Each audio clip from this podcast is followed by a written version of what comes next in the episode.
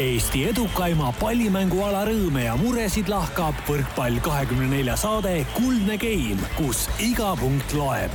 taustajõuna hoiab mängul hoogus ees Kredit kakskümmend neli tere, head võrkpallisõbrad ja kaunist jätkuvat kahe tuhande kahekümne teist aastat. jaanuarikuu on jõudnud oma talvisel teekonnal kaheteistkümnenda päevani, pruunkaru on valitud Eesti Terioloogia Seltsi poolt aasta loomaks ja Kuldse Game'i saade on jätkuvalt Eesti parim võrkpalli podcast sest ühtegi teist selleteemalist podcast'i pole Eestis veel tehtud. Nende väheoluliste ja veel vähem oluliste infokildude pealt on hea tulla tänase saate osalejate juurde.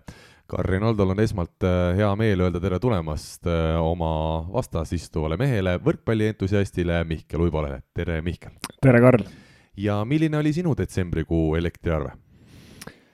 oo, alla viiekümne euro natukene.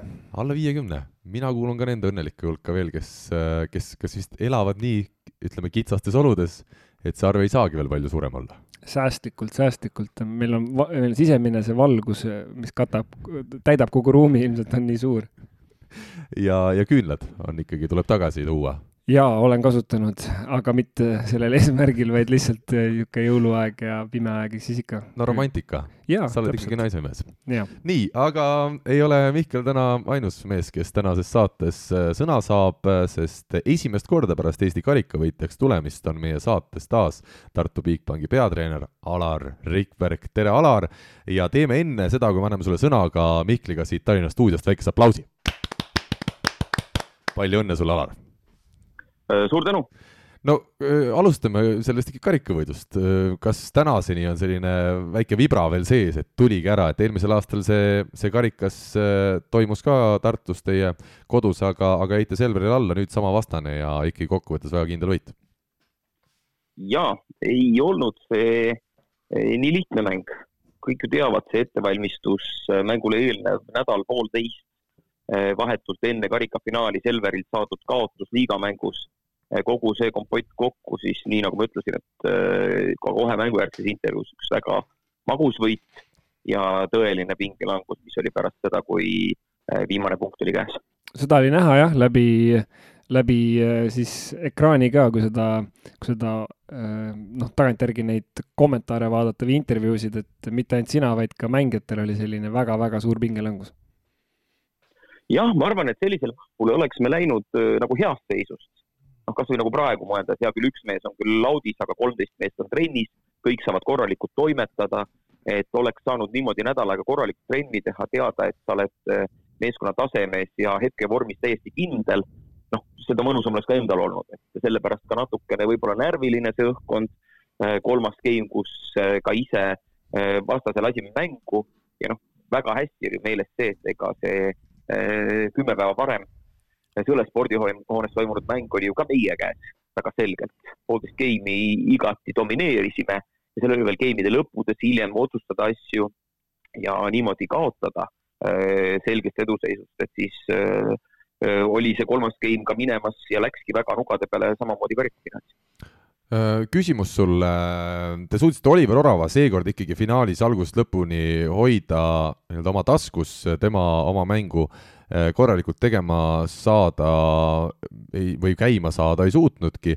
kas äh, üks järjekordne väljakutse võiks olla Alar Rikbergil ja Tartu Bigbankil nüüd Oliver Orav äh, pärast kahtekümmend üheksat hooaega Tallinna Selveris tuua järgmiseks hooajaks Tartusse ja, ja teha temast veel selline tugev koondise mees, milleks tal kahtlemata jätkuvalt potentsiaali on, kui need, ütleme, tervisemured kõrvale jätta? no vot, sa kõige küsimuse lõpus jõudsid tuumani, et et, et saada tasemel koondise meheks, peab mängija tervis võimaldama äh, siinsest liigast märgatavalt äh, suuremat treeningmahtu. ja kui ühe põlvega ta käis operatsioonil, nüüd sama häda vaevamas ka teist põlve, nagu nägime viimases Pärnu mängus, ei olnud ta üldse ja eks näha, millal ta, millal ta võrkpalliväljakule naaseb. Äh, suure tõenäosusega ootab teda järgmine operatsioon pärast seda hooaega ees, ehk siis tegemist vana mängumehega, aga, aga kui tema tervist võr võrrelda näiteks Keit Pupartiga, siis äh, ma ütleks, et tervise seisukohast äh, Pupi on viis kuni kümme aastat noorem mees. jah, paraku peab nõustuma selle, selle hinnanguga, jah kas sa kuulasid aga..., kas sa kuulasid, Alar, ka seda saadet, mis meil pärast karikafinaali eetris oli?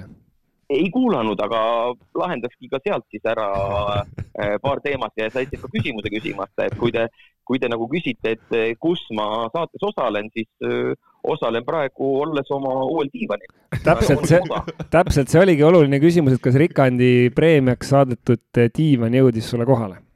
tegelikult sellega oli natuke teine lugu, et internetis diivanit tellides tõesti noh, ma sellise mudeli, mis ma ka leidsin, ta tuli kuskilt Poolast, ei midagi luksuslikku, aga see diivan sai tellitud maikuu keskel ja lubatud tarneaeg oli kuus kuni kümme nädalat. Ja täpselt siis äh, karika finaali järgse saate äh, lindistamise aeg oli see, kui see diivan lõpuks kohale jõudis, ootasin teda oma pool aastat ehk siis äh, lihtne vastus äh, pole seotud kuidagi äh, karika potentsiaalse preemia või millegi muuga, vaid lihtsalt selline kauaoodatud mööbel.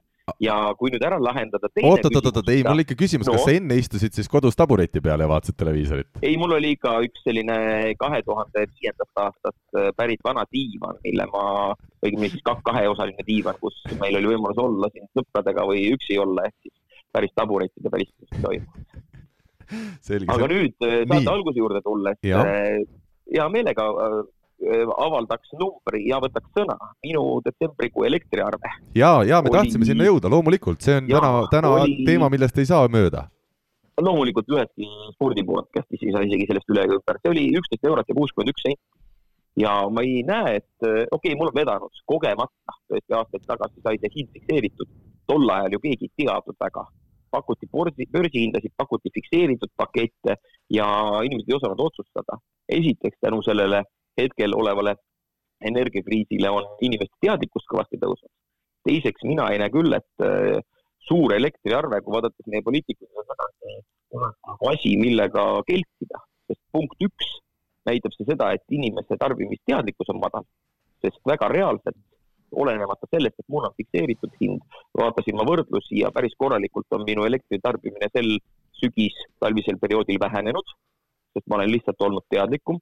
sa oled lihtsalt kontoris, sa oled terve päeva kontoris, vaata, sa kulutad seal elektrit, vett. aga no mul on niikuinii need elektriasjad väiksed summad, kuna on äh, korteris keskküte hmm.. aga teine asi on see, et kui sul on ikkagi tuhande pluss arve, see tähendab, et sul on ka päris äh, mugavad elutingimused, kas sellega on vaja kelkida see tähendab hiiglaslikke korterid või suuri maju. ja, ja see ei ole nagu küll see koht, kus eh, peaks nüüd näitama, et näe, ma maksan viissada või ma tuhat viissada eurot. ehk siis, eh, ehk siis inimesed on iseenda elu nii mugavaks elanud ja, ja nüüd on tagajärjed käes no mina tean seda, et ma rääkisin Aavo keelega enne seda telemängu, mis oli pühapäeval ja noh, me võrkpallist ei jõudnudki rääkida, sest äh, Aavo rääkis sellest, äh, kuidas tal siis Saaremaa see kodu äh, ja see oli tuhat kolmsada eurot vist äh, detsembrikuu elektriarve ja noh, ta ütles ka, et nad tegid küll sauna, aga ei olnud mingi nüüd meeletu kulutamine seal, et, et noh, tegelikult on see teema ikka päris, päris nukker ja karm, et ja loomulikult. osadel inimestel ei ole, ei ole pääsu seal, kui ikkagi eladki mingis majas ja järgnevad aastakümned äh, läheb ka selleni, et inimeste teadlikkus tõuseb ja nii hoonete energiatõhusus kui ka äh, kütteks kasutavate energiakandjate ülevaatamine, et see ootab meid lähema kümne-kahekümne aasta jooksul kogu vabariigi sees ja selge on see, et äh, mõeldes oma jalajäljele, siis äh, ongi meil vaja sellega tegeleda. sellised äh, väljendid, nagu sa just välja käisid võrkpalli podcastis, et see on küll vist ajalooline hetk, aga ma kasutan juhust, ma küsin veel, kas sa juhtusid kuulama meie aastavahetuse saadet või siis aastat kokkuvõtvat saadet? ei jõudnud seda ka kuulata. Lihtsalt... kusjuures oli üks vaba hetk, aga unustasin käima panna ja tulin vaba ma... hetkega ma ütlen ka kahe ja poole tunnist saadet ilmselt ära ei kuulaks. jah, ma lihtsalt tahtsin öelda, et, et kui sa ei ole veel kuulanud, siis kolmanda koha selles meie topis kahekümne siis ühes kakskümmend üks sündmust või, või tegevust või, või, või inimest aastal kakskümmend üks, siis kolmas koht oli Äh, Tartu versus Kaasan ja, ja laiemalt siis Tartu võistkonna fenomen, nii et äh, igaks juhuks, et lisaks karikavõidule äh, õnnitleme ka siis äh, selle podcasti aasta kokkuvõtva kolmanda koha puhul. kui tähtis see on sulle, Alar, et, et ikkagi selline äh, tiitel ka tuli veel? ikka tähtis, loomulikult koht on ikkagi võidetud koht, et oleks ma teine olnud, siis ma küsiks, et miks ma esimeseks ei saanud, aga pronksina aitab jälle hästi. selge, no sissejuhatuse lõppu olgu siis öeldud seegi äh, fakt, et äh, sai siin enne saadet äh, reklaamitud, et tänases saates osaleb ka Eesti Võrkpalliliidu president Hanno Pevkur, aga noh, ütleme, elu, elu nõuab ikkagi elamist ja ja selgus, et täpselt kell kaksteist, mil me seda saadet kolmapäeval lindistama hakkame, on ju infotund Riigikogus ja kuna Martin Helme on nüüd koroonaga eemal ja Jüri Ratas vist kas oli siis lähikontaktne, siis see tähendab seda, et seda infotundi peab läbi viima ei keegi muu kui Hanno Pevkur ja ütleme jälle on näha ka seda, kuidas inimesel on prioriteedid paigast. kui nüüd, eks ole, Alar on, on valida kas Kuldse Game'i saade, kus saab Eesti võrkpallist rääkida sügavalt, või siis see infotund, kus noh, niikuinii on see sisupool nii, nagu ta on, siis tuleb ikkagi leida see õige tee, õige lahendus, et infotundi võib näiteks edasi lükata. Äh, Anno ütleks, et näed, teeme täna õhtu seitsme ajal, et mul on praegu üks tähtsam asi käsil, et äh,. no ma arvan, et äh, võrdlus oleks ju pädev see, kui sa minu käest küsiksid, et kas sa annad meestele trenni ehk siis teed oma tööd või tuled lindistama saadet, siis siis alati tuled saadet lindistama, just. jaa, saadet lindistama, väga hästi, selle ma lugesin ise sinu eest praegu sisse selle vastuse ja ma võin praegu öelda, et ETV2 näitab otseülekannet sellest infotunnist ja Kaja Kallas praegu vastab, teemaks on elektri hinnast, nii et väga-väga temaatiline. teemad on meil täpselt samad nagu infotunnil, aga ma arvan, et sisu on meil natukene, natukene teravam ja, ja parem, aga head sõbrad, aeg on minna tänase saate esimese teemade, teema juurde, teemasid on meil täna päris palju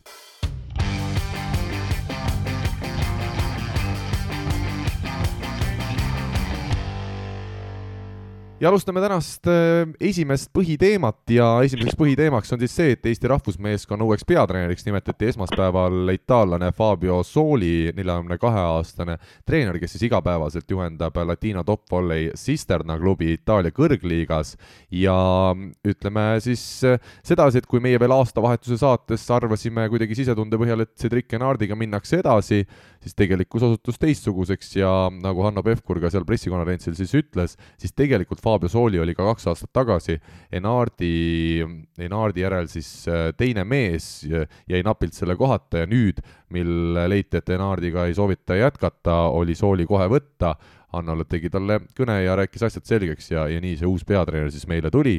Alar, alustame sellest, et äh, see pressikonverents ise oli oli väga selline mõnus ja, ja ma pean siin äh, silmas ka seda, et äh, istume siis seal ajakirjanikega ja kuulame-vaatame, mida Hanno ja, ja uus peatreener äh, Sooli räägivad ja oli seal juba enne saalis kuidagi juhuslikult Tartust üks mees, Oliver Lüütsepa näol ja saabusid sinagi siis ütleme veerand poole tunni äh, järel, et kas juhuslikult lihtsalt. mis väljaannet sa esindasid, on mu küsimus Tartu Postimees. no ütleme nii, et äh, mina saabusin natuke hiljem sellepärast, et äh, Tartu-Tallinn rong lihtsalt äh, jõudis sellisel ajal ja päris alguseks ei tahtnud ka nagu varem kohale tulla.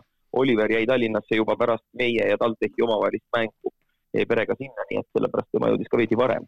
aga jah, mis seal salata, Hanno Pevkuri palvel oli meil kokku lepitud, et pärast pressikonverentsi öö, alustab siis uus peatreener oma esimeste kohtumistega, mis puudutavad tema uue staffi koostamist ehk siis äh, võib öelda, et äh, nii mina kui Oliver äh, olime tööinted.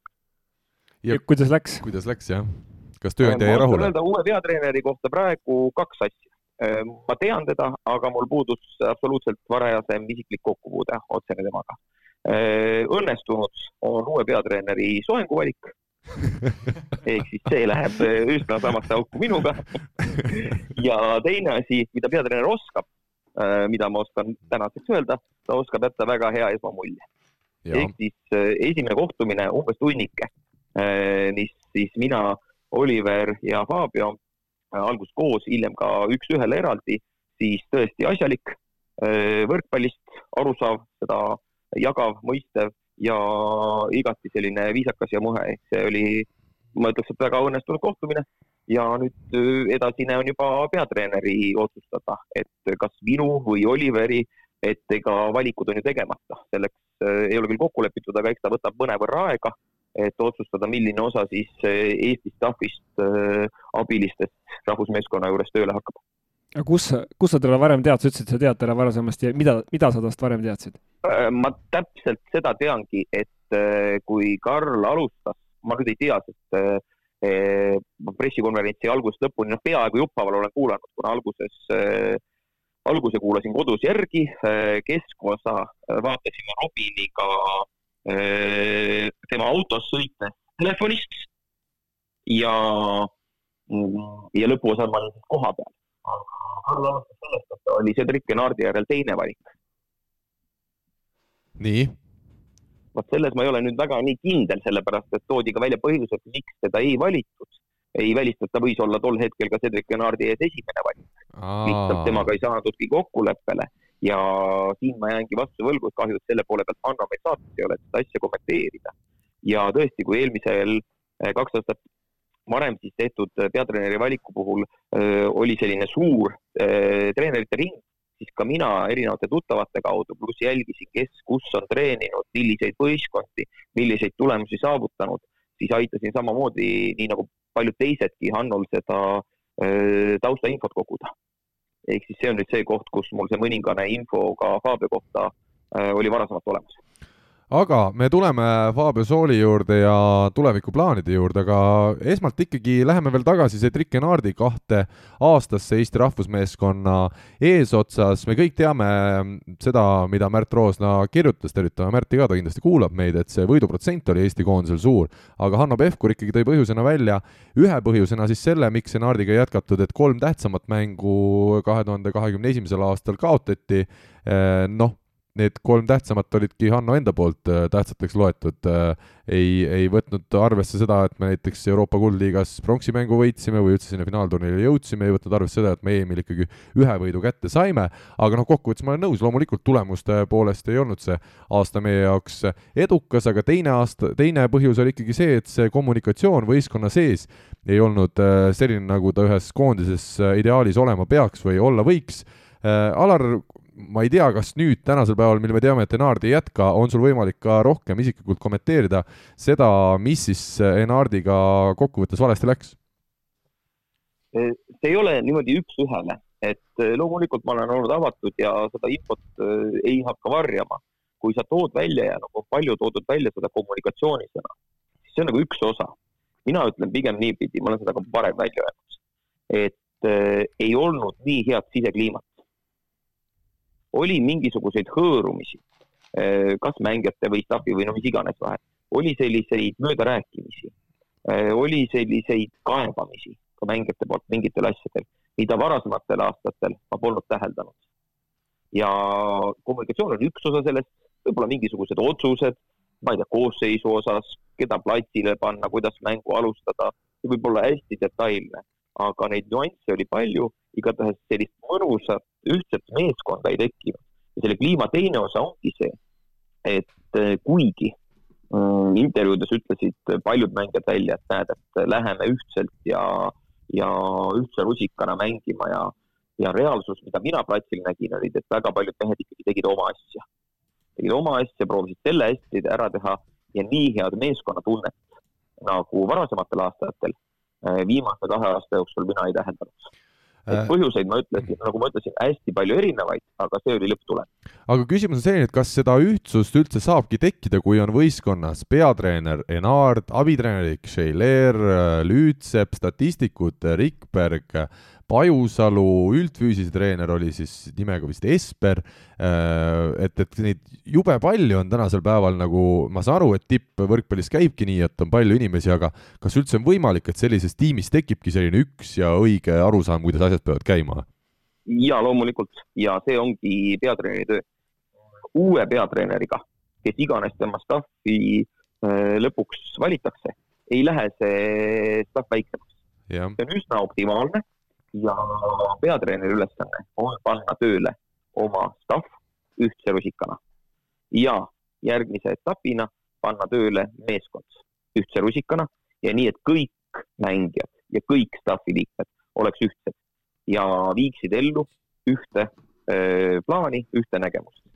ja noh, ega sellega tegeleti ja üritati, aga nagu ma mainisin, lõpptulemus oli selline, et väikesed detailid siit ja sealt tekitasid lõppolukorra, kus noh, jah, tõi õigesti välja, et äh, võidud-kaotused, äh, tähtsad mängud kaotati, aga lõpptulem on see, et potentsiaali EM-il Eesti koondis välja ei mänginud. nojah, see võidud-kaotused ja see statistiline pool nii-öelda on, äh, on hästi huvitav, et tegelikult kui võtta siis need numbrid, mis mul on, et Nardiga, Nardi käe all mängiti kakskümmend üks mängu, kuusteist võitu, viis kaotust võiduprotsent seitsekümmend kuus koma kaks, mis on kõige kõrgem äh, Eesti koondise peatreener ja, aga seda aegade. ei saa, minu arust see on täiesti, mul on hea meel, et Eesti meeskond äh, võitis nii palju mänge, aga see on täiesti nagu arulaga selles suhtes, et aastad on täiesti erinevad, vastased on täiesti erinevad, seda protsenti üksi ei saa, ei tohigi nii minu arust välja tuua, seal peaks juurde panema siis kõik need aastad, kõik treenerid, kellega mängiti, mis olid näiteks kohad vastastel jaa, kindlasti, kindlasti aga ma tahan seda öelda, et nagu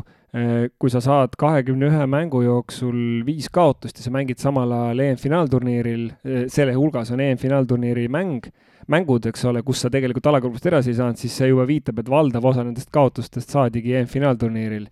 viiest, ma ei tea, palju siis, neli, neli., neli saadi ja üks saadi siis seal poolfinaalis, poolfinaalis on ju, ja, ja ongi kõik, et ja, ja, ja mängiti ju tegelikult noh, ütleme siis Euroopa mõistes ikkagi korralike satsidega kogu aeg, et selles mõttes, aga noh. no aga esimene aasta mängiti, kas ainult Soomega oli see, see oli ju see koroona no, aasta, kui midagi ei no,. seal oli ka Läti, et vaata nüüd mille pärast ma jõudsingi potentsiaalini, on see, et sõprusmängudes, kontrollturniiridel me oleme selgelt paremad Soomest, Lätist, Hispaaniast, ka kõikidest meeskondadest, kes mängisid EM-finaalturniiril. jah, seda numbrit seitsekümmend kuus protsenti võite saab veel kõrgemaks ajada, kui sa mängid kümme korda järjest Kosovoga. seda saab ükskõik kuhu ajada ja tõsi ta on, et üks EM-finaalturniir oli meie alagrupis Itaalia, Prantsusmaa, Horvaatia ehk siis väga karmid vastased siis oli meil Serbia, Poola, Soome. et me oleme ka mänginud tõesti finaalturniiridel raskematega, samas me ei ole mitte, ütleme niimoodi, vaid väga korralikke, keskmikke võitnud äh, kontrollturniiridel ja viimased EM-id, mitte ainult viimane, vaid täpselt samamoodi ka eelviimane finaalturniiri suutnud äh, nende tasemel olla. Äh, keda me, noh, kes ise nagu kasvõi Soome või Läti jõudsid alagrupist ikkagi edasi ehk mm. siis sellepärast äh, ma ütlesingi, et potentsiaal jäi välja mängimata. siin Hanno Pevkur nüüd tõi nimeliselt ka välja, et see üldfüüsilise ettevalmistuse treener Andres Eduardo Esper oligi siis kas selline hädavariant, et Enardil ei õnnestunud tuua head meest sinna ja õigel ajal ja kui see Esper siis lõpuks kohale jõudis, siis temal ei olnud kas siis mitte kellegagi sellist korralikku suhtlust või ma mõtlen, milles see suhtluse puudumine siis äh, seisneb või treener on ju olemas, saalis saab ju küsida, et äh, mida me teeme, kuidas me teeme, arutada läbi, et kuidas see kommunikatsiooni vajakajäämine nagu sisuliselt välja nägi? Äh, Cedric Enart on oma abilisi usaldav peatreener ja sellest tulenevalt oli üldfüüsilise ettevalmistuse treeneril väga palju vabadust ja väga vähe kontrolli tema tegevuse üle ja võrreldes sellega, mis minul on olnud erinevates klubides või kuidas ma ise praegu Oliveriga koos töötan Tartus, siis äh, pall ja üldfüüsiline ettevalmistus on ikkagi nagu äh, king ja sokk seal sees. ehk siis väga-väga äh, tihedalt peaks olema seda läbirääkimist, arutamist, vajadusel muudatuste tegemist, aga jah, tõsi ta on, et et Esper sai vabaduse ja noh, suhtluspool pluss ka sisuline pool oli see, mis lõpuks äh, meestele väga äh, meeltmööda ei olnud.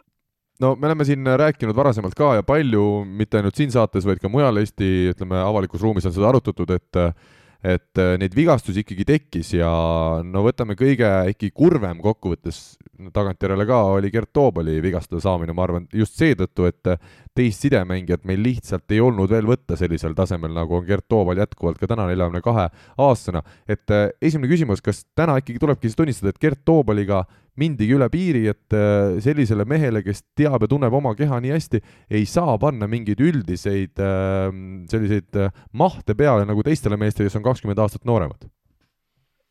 minul on kogemus Gerdiga olemas ja ma usun ja loodan, et ma suudan temaga hästi opereerida, äh, arvestades vanust, tervislikku konditsiooni, kõike muud. mul on väga hea Gianni Gretu ajast näide ja kogemus, kuidas temaga toimetada sest aastaid oli ta koondises olemas. sa rääkisid, et ta sai vigastada. tegelikult sai ta kahe koondise suve ajal kolm korda vigastada yeah.. kolm erinevat asja, viimane viis operatsioonini. ehk ei olnud niimoodi, et ma nüüd ei tunne, ma ei tea, vaid oli juba kaks tuhat kakskümmend võimalus eh, näha seda konditsiooni. kui sa küsid mu käest näiteks, mis sa arvad, mida tegi täna eh, Gert Toobal hommikuse treeningu ajal? no magas või? mul pole aimugi, sest et see hommikune treening oli vaba.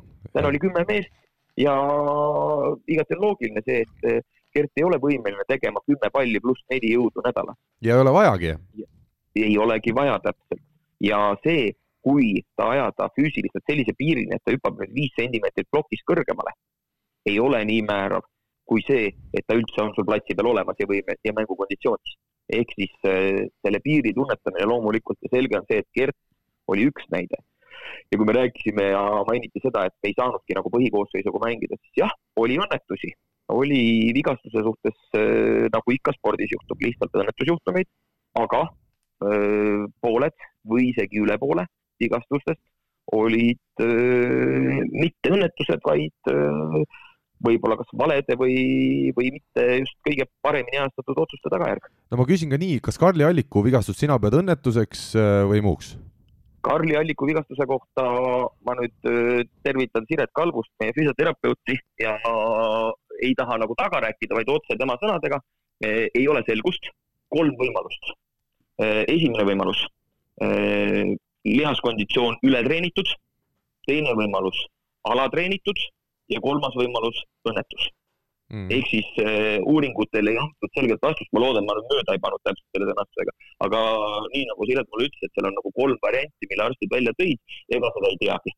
seal võis juhtuda, et tundub, et see ristate sidemiseks katki läks katki üles hüpates, mitte maandudes ja mina olen ka lihtsalt kuulnud seda versiooni, et, äh, et ütleme, selline vigastus nagu nii-öelda põlv käis siis tagurpidi, ma saan aru, on see äh, maakeeli, et seda, see ei saagi tekkida. ta ei käinud tegelikult, see ei ole nagu liigest välja käinud, see vistati see, ei vigastada, aga noh, see on vaata detailne mm, -hmm. aga tõesti, et äh, ma vaatasin kohe videost, et kui maandudes läheb hüpekas näiteks oi, seda on väga vastik vaadata, aga ma olen neid aeglustusega korduvalt vistinud, et näha, mis juhtus, kas maandus kellegi jala peale või kas ise soperdades, noh, natuke huvi pärast, natuke seda, et, et mõnikord isegi füsio küsib pidevalt pilti, et näha, et noh, mis, millest see asi tekkis. aga tema puhul see maandumine oli juba jah, näha oli, et ta maandus juba niimoodi, et selle terve jala peale ja haiget hoidis mm. -hmm. ehk siis äh, üles hüpates see läks, aga jah, ega kõiges ei ole selgust. tema on täpselt see vahepealne mees, kelle puhul on raske öelda. noh, kui võtta näiteks Märt Tammearu vigastus siis üks ebaõnnestunud tõste, tema lihtsalt ju kukkus randa peale. seal ei ole tegemist treenitusega, see on lihtsalt õnnetus. aga noh, neid asju ja konditsioone, ega meil EM-finaalturniiril mängis päris mitu meest ka tugevate valuvaigistite abil. ja seda oli üle poole meeskonnast, ma arvan isegi ehk siis see konditsioon oli, oli viidud nii viimase piirini ja võib-olla siis osade puhul ka üle piiri ja no Robert Tähest me siin isegi ei ole veel rääkinud, aga tema oli siis ka ju vigastusega sisuliselt kogu EM-i äh, väljas, aga, aga me ei räägi mitte vigastusest täna, vaid ikkagi sellest äh, Enardi ajast, võtame seda kokku.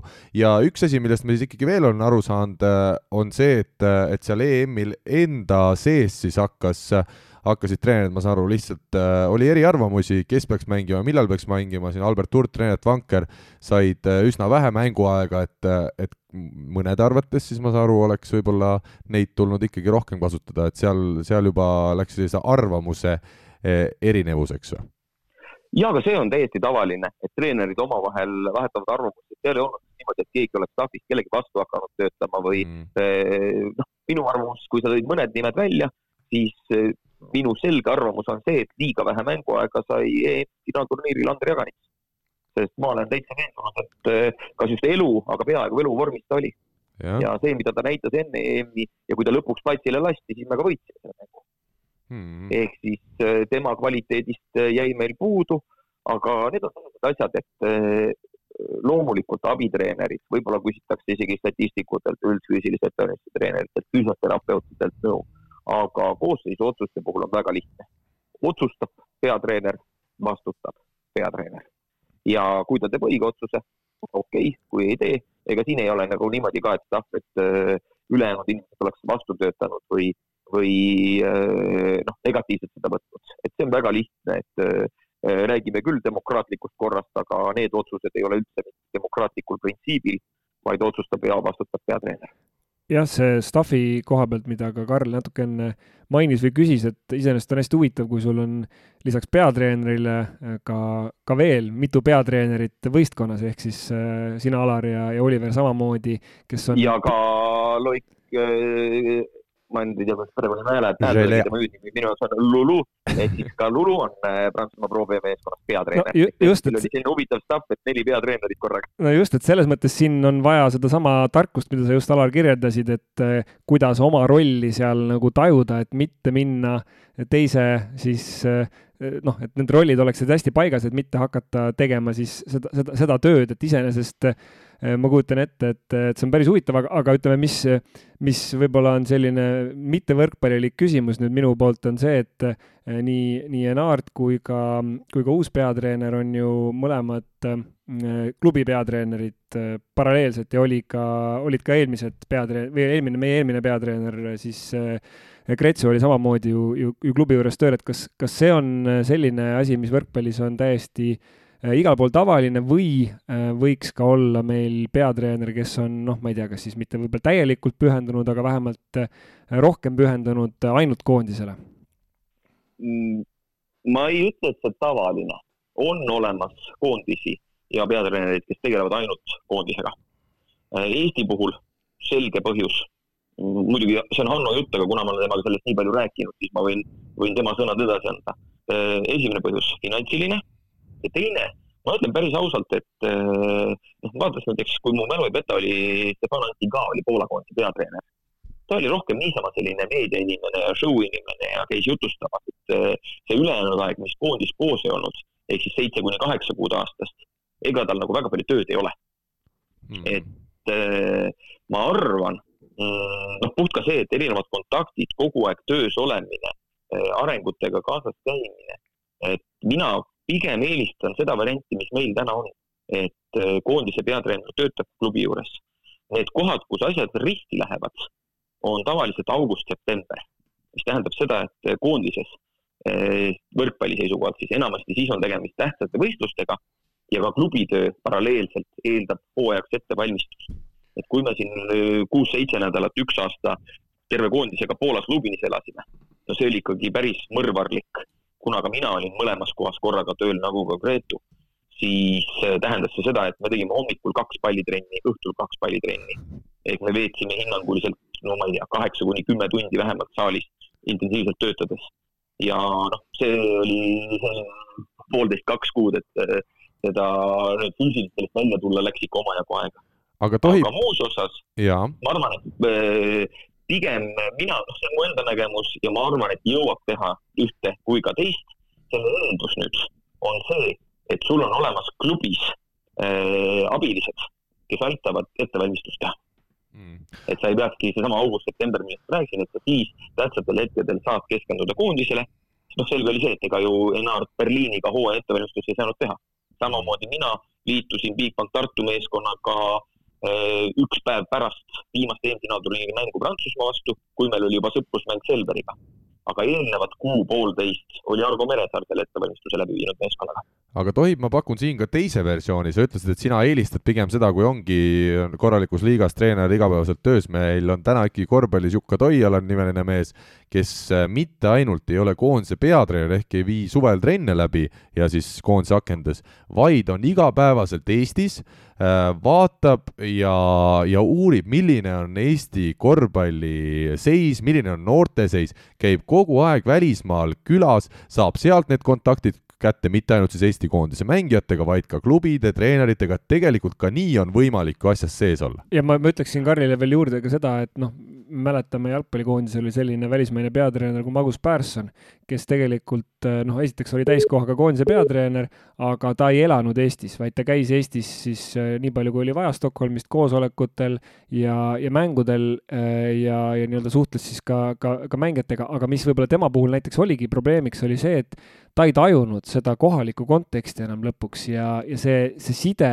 nagu sellega, mis siin Eestis toimub, see on nagu oluline, et praeguse peatreeneri Toomas Häberliga on, on just algusest peale nii tema enda soov kui ka, kui ka meie soov oli see, et ta tuleks ikkagi kõige täiega siia ja seal ei olnud nagu üldse vaja meil sundida, sest ta ise, ise tahtis ja ta ongi perega alates suvest eh, elab siin, kolisid eh, kõik oma kooliasjad ja kõik siia ja on nii-öelda noh, tajub seda, õpib, naine õpib eesti keelt, ta ise õpib eesti keelt, saab juba mingisuguseid asju aru, et, et see tasand tegelikult minu meelest on nagu ka oluline või Alar? kuigi siis vist Fabio Sooli siia ei tuleks, sest meil oleks raha teda palgata, jah? Nojah, seda küll, aga äh,, aga ma mõtlen pigem, pigem võib-olla küsimus on selles, et ise ütleme, unustades, noh, Alar ju mingis mõttes oma kommentaaris, nagu ma aru sain, ta unustas nii-öelda, alguses tõi selle nii-öelda praeguse reaalsuse, et meil ei ole raha, aga samal ajal isegi kui meil oleks raha, siis ma saan aru, et äh, Alar eelistaks pigem ka siis seda treenerit, kes on klubis. ja, aga ma juba mainisin, see on mu isiklik. mina näiteks mõtlen päris tõsiselt, et mis tööd teeb see Toiala kaheksa-üheksa kuud aastas.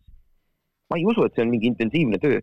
ma arvan, et peatreener peaks rakkes olema ta peaks olema kogu aeg nendes momentides, mitte niimoodi, et mul on kaks-kolm kuud intensiivset tööd ja ma käingi, ma ei tea, välismängijatel külas, vaatan nende mänge, ajan juttu natukene. no jah, võib-olla minu jaoks tundub see priiskamine lihtsalt. et no selge on see, et meil pole sellist finantsi ja see oli mu isiklik arvamus, et ma arvan, et see on priiskamine, kui ma kaks kolmandikku aastast äh, lihtsalt reisin, ajan meestega juttu, vaatan, kes kus liigas midagi teeb. aga see on töö osa ju, see on ju töö osa ju ja, aga mõtlengi, et mina oma töö intensiivsuse juures äh, kujutad ette, et ma statistikuna töötan äh, kaksteist kuud Eesti koondise eest, mis on ka võimalik teoreetiliselt. mis tähendab seda, et ülejäänud aja ma vaatan lihtsalt statistikat, natuke videosi ja jälgin ja oskan selle põhjal, mis oleks muidugi hea, anda koondise peatreenerile super ülevaate, millises konditsioonis on äh, meie kõik mängijad. jah, ma teengi seda, ma jälgingi seda kõike, aga ma teen seda peatreeneri töö kõrvalt. olen ma ka koondise statistika aasta läbi keegi selle eest mulle raha ei maksa. see, kui tuli näiteks Cedric Genard, ma arvan, et uus treener, sõltumata sellest, kas mina tööle lähen või ei lähe, hakkab ka mingi hetk küsima minult äh, videokokkuvõtteid, montaaže erinevate mängijate tegevuste kohta, nende statistika ülevaateid, kõike muud. see on suur-suur töö ja see pole isegi tasustatud töö. see on lihtsalt osa sellest äh, panusest Eesti võrkpallikoondisse, mis ma tunnen, et ma pean andma ja ma küll ei kujutaks ette, et aasta läbi oleks see minu töö ja tegevus. aga selles mõttes, et see on mu isiklik arvamus ja see, et äh, koondise treener on ainult koondise treener, tundub priiskamine. kui koondise treener oleks paralleelselt näiteks Audenteses Eesti noortetreener, loogiline, või Eestisse vormistataksegi, niimoodi on selle Karli lemmikteema sisse, superklubi, ehk siis meil on üks tipptasemel klubi ja koondise treener võtab selle ohjad üle, tundub ka loogiline. aga see, et äh, kasvõi, no ma saan aru, et jalgpall, korvpall, võimalused on paremad, ja olukord on erinev, aga mulle ei tundu küll see, et nad nüüd äh, aktiivselt kogu aeg siis oota, kas võimalused on paremad? ma väidan, et Eesti korvpallikoondis on lihtsalt vähem äh, treenereid vist ja ju abitreenerid on kõik eestlased, et neil on odavam selles suhtes ülal pidada, et ma ei, ma ei arva, et siin meeletu rahavahe on. ma ütlen sulle suurusjärgu. Äh, ma tean enam-vähem neid numbreid. Ma praegust tulevikku ei oska öelda, aga viimase kaheksa aasta peale siis. Eesti koondises teenib koondise peatreener umbes kakskümmend protsenti oma aastapalgast. kaheksakümmend protsenti teenib klubi juures töötades. mis tähendab seda, et me peaks nüüd Eesti koondise peatreeneri palga nelja-viiekordistama, et ta teeniks aasta jooksul sama palju, kui ta tegutseks ainult koondisega mm. -hmm. seda raha Eesti võrkpallis ei ole. võib-olla on, aga pole leitud või ei ole mõistlik sinna ma olen väga nõus selle sellise majandusliku mõtlemisega ja sellega. ma mõtlesin superklubiga sõitma. sellega äh,, ei, ma igaks juhuks ütlen ka, et vahepeal, kui. sellega pole keegi nõus. Te kuulsite mingit imelikku häält siin Alari jutu ajal, siis see oli Karin Aldo plaksutamas selle superklubi äh, lau-, hetke peale. aga, aga ma olen nõus selle, noh, vägagi selle mõistliku majandamisega. samal ajal ma, ma esitaks ka sellise provokatiivse küsimuse sulle, Alar, et kui Äh, kui sa ütlesid, et, et mida teha selle ülejäänud kuudega, et äh, kas äkki võib-olla siis see professionaalsuse tase Eesti treeneritel on selline, et nad ei oskagi selle ajaga midagi pihta hakata, aga võib-olla mujal maailmas osatakse, äkki, äkki on ikkagi mingit reservi, kui, kui pühendada sinna rohkem aega? Äh, võib-olla, aga noh, saad sa isegi aru, et jalgpall on natuke erinev, sest et teil ei ole ju sellist loogikat, et suvi on koondis ja sügisest kevadeni on klubi et ta on nagu täitsa ära jaotatud, sest ta ja ka korvpallis nüüd on olnud neid erinevaid tsükleid ja asju, nad on natukene selle poole pealt erinevad. aga Eesti koondise treener, olles täiskohaga sellel tööl, ei käi treenimas, äh, õpetamas ega abistamas Eesti koondislasi, sest nad viivad perioodil september kuni aprill või mai ellu hoopis teistsuguse treeneri nägemust ja mängivad oma klubis sellist võrkpalli, nagu nende peatreener nõuab seal. siis liituvad nad koondisega ja hakkavad mängima sellist võrkpalli ja viima ellu koondise peatreeneri nägemust. ja need võivad olla tihti vastupidised.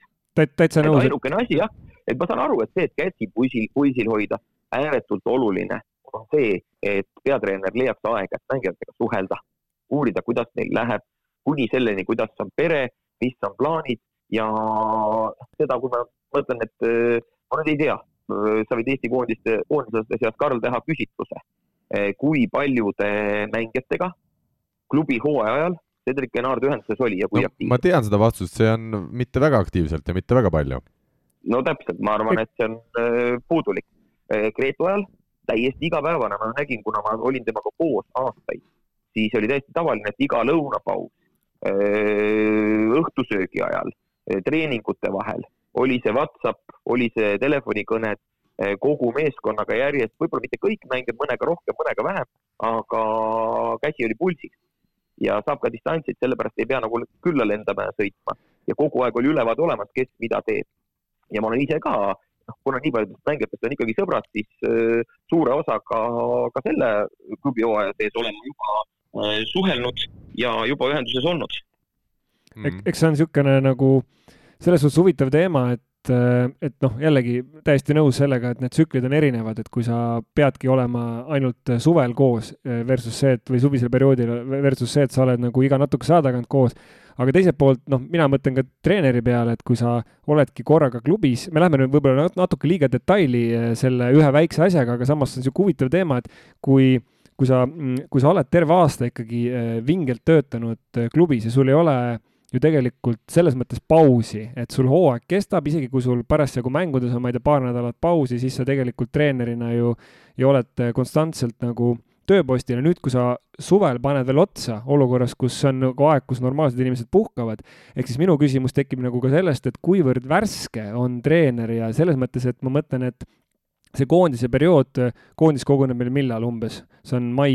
seekord aprilli lõpp. Okei okay,, jah, mai, ütleme jah, aprilli lõpust kuni septembri keskpaigani on, on see koondise aeg, et noh, selle aja jooksul tegelikult see koondise peatreener teeb sisuliselt ära noh, ma, ma ei ütle, et peaaegu aasta töö, aga sisuliselt ta teeb, sest et sel perioodil tal ei ole sisuliselt puhkepäevi, sellepärast et ta paneb ikkagi äh, järjest ja et vähemalt peaks selle tegema, sest et tal tuleb nii palju ka no. informatsiooni ja kõike seda juurde, ehk siis noh, see on selline, ma saan aru, et, et küsimus on ressursis lõppkokkuvõttes, aga, aga lihtsalt, et kui leida nagu noh, eks sa tõid ka väga hästi välja sellesama, et, et nii-öelda Enardi ja Gretsu nagu vahe, et mil, miks ühest sai legend Eesti võrkpallis, ma mõtlen siis Gretsust ja teisest ei saanud seda teps mitte, sellepärast et üks oli nagu tundub nii-öelda pühendas ennast rohkem sellesse töösse kui teine, vähemalt selle kirjelduse järgi tundub.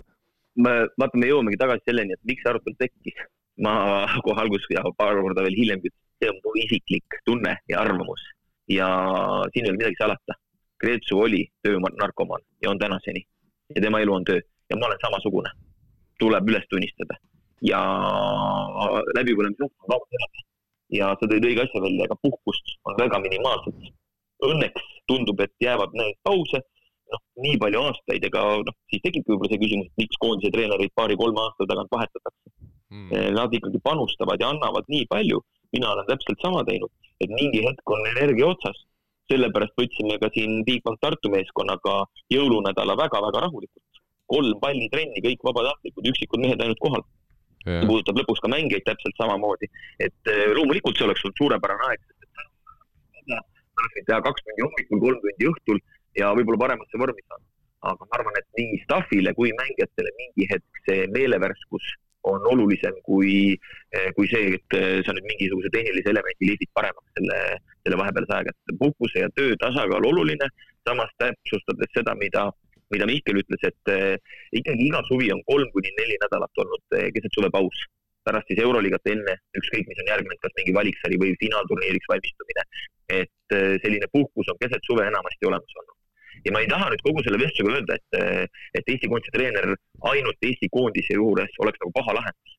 teha siin erinevaid asju, koolitusi, käia klubide juures teisi treenima, treenereid harimas, neid tegevusi ja võimalusi või ideid, kuidas ühe inimese aastane nii-öelda töö ära jaotada ja kuidas läbi selle Eesti võrkpalli paremaks teha, oleks loomulikult olemas.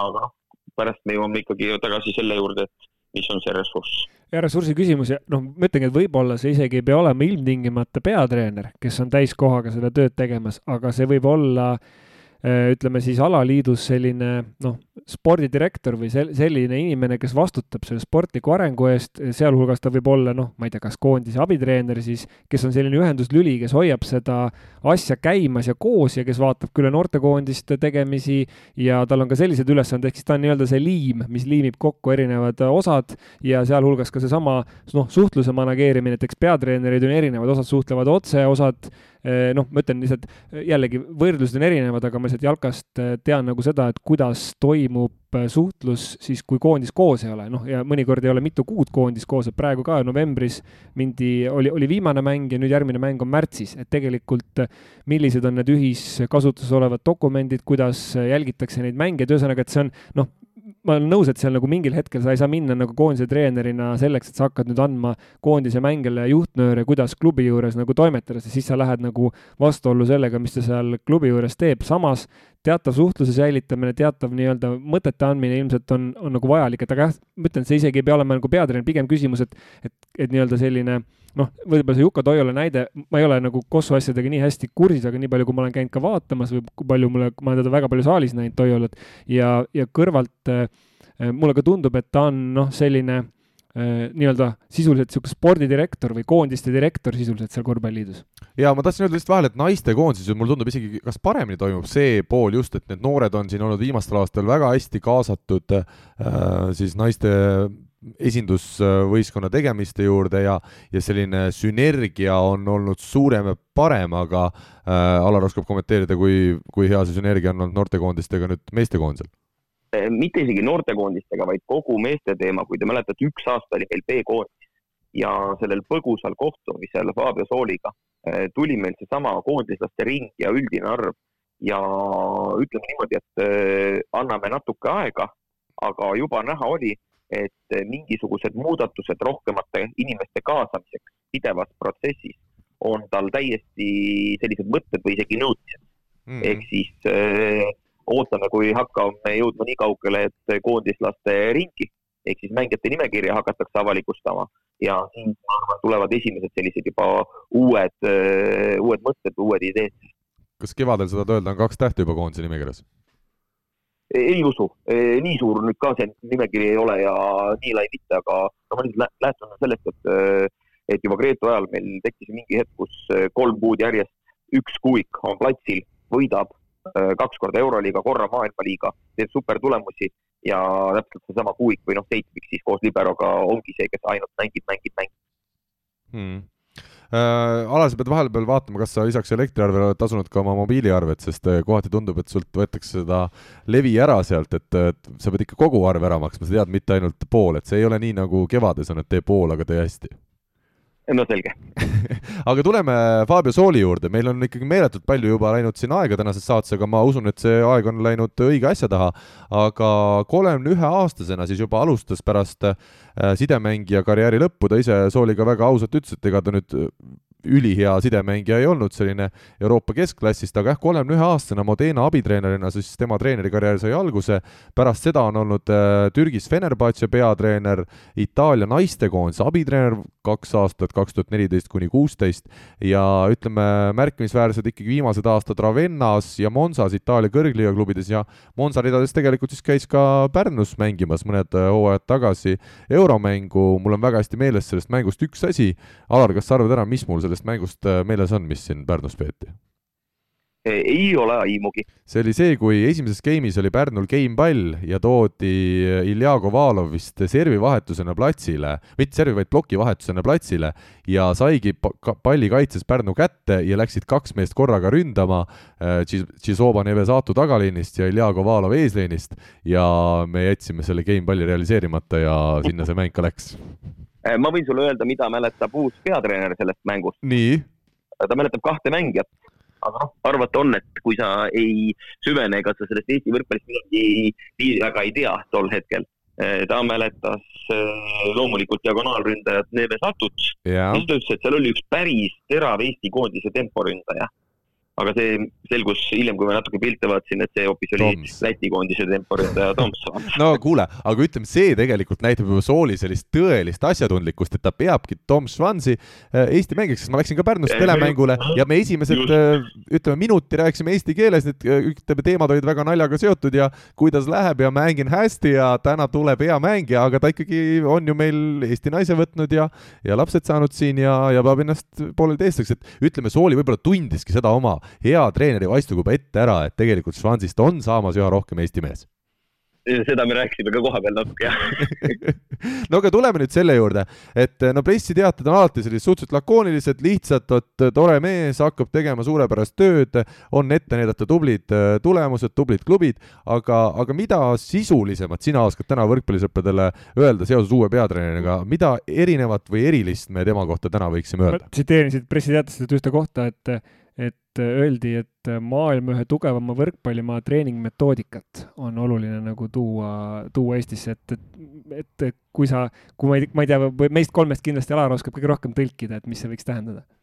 no see tähendab seda, et kui Cedric Genard tõi mõningates asjades Prantsuse pärast lähenemist ja tõesti oligi teatud tema nõudmistes ja loogikas ja varasemad kuus aastat Gretuga mängisime me eriti mis puudutas teatud asju, plokk, kaitse, vastuvõtuloogika.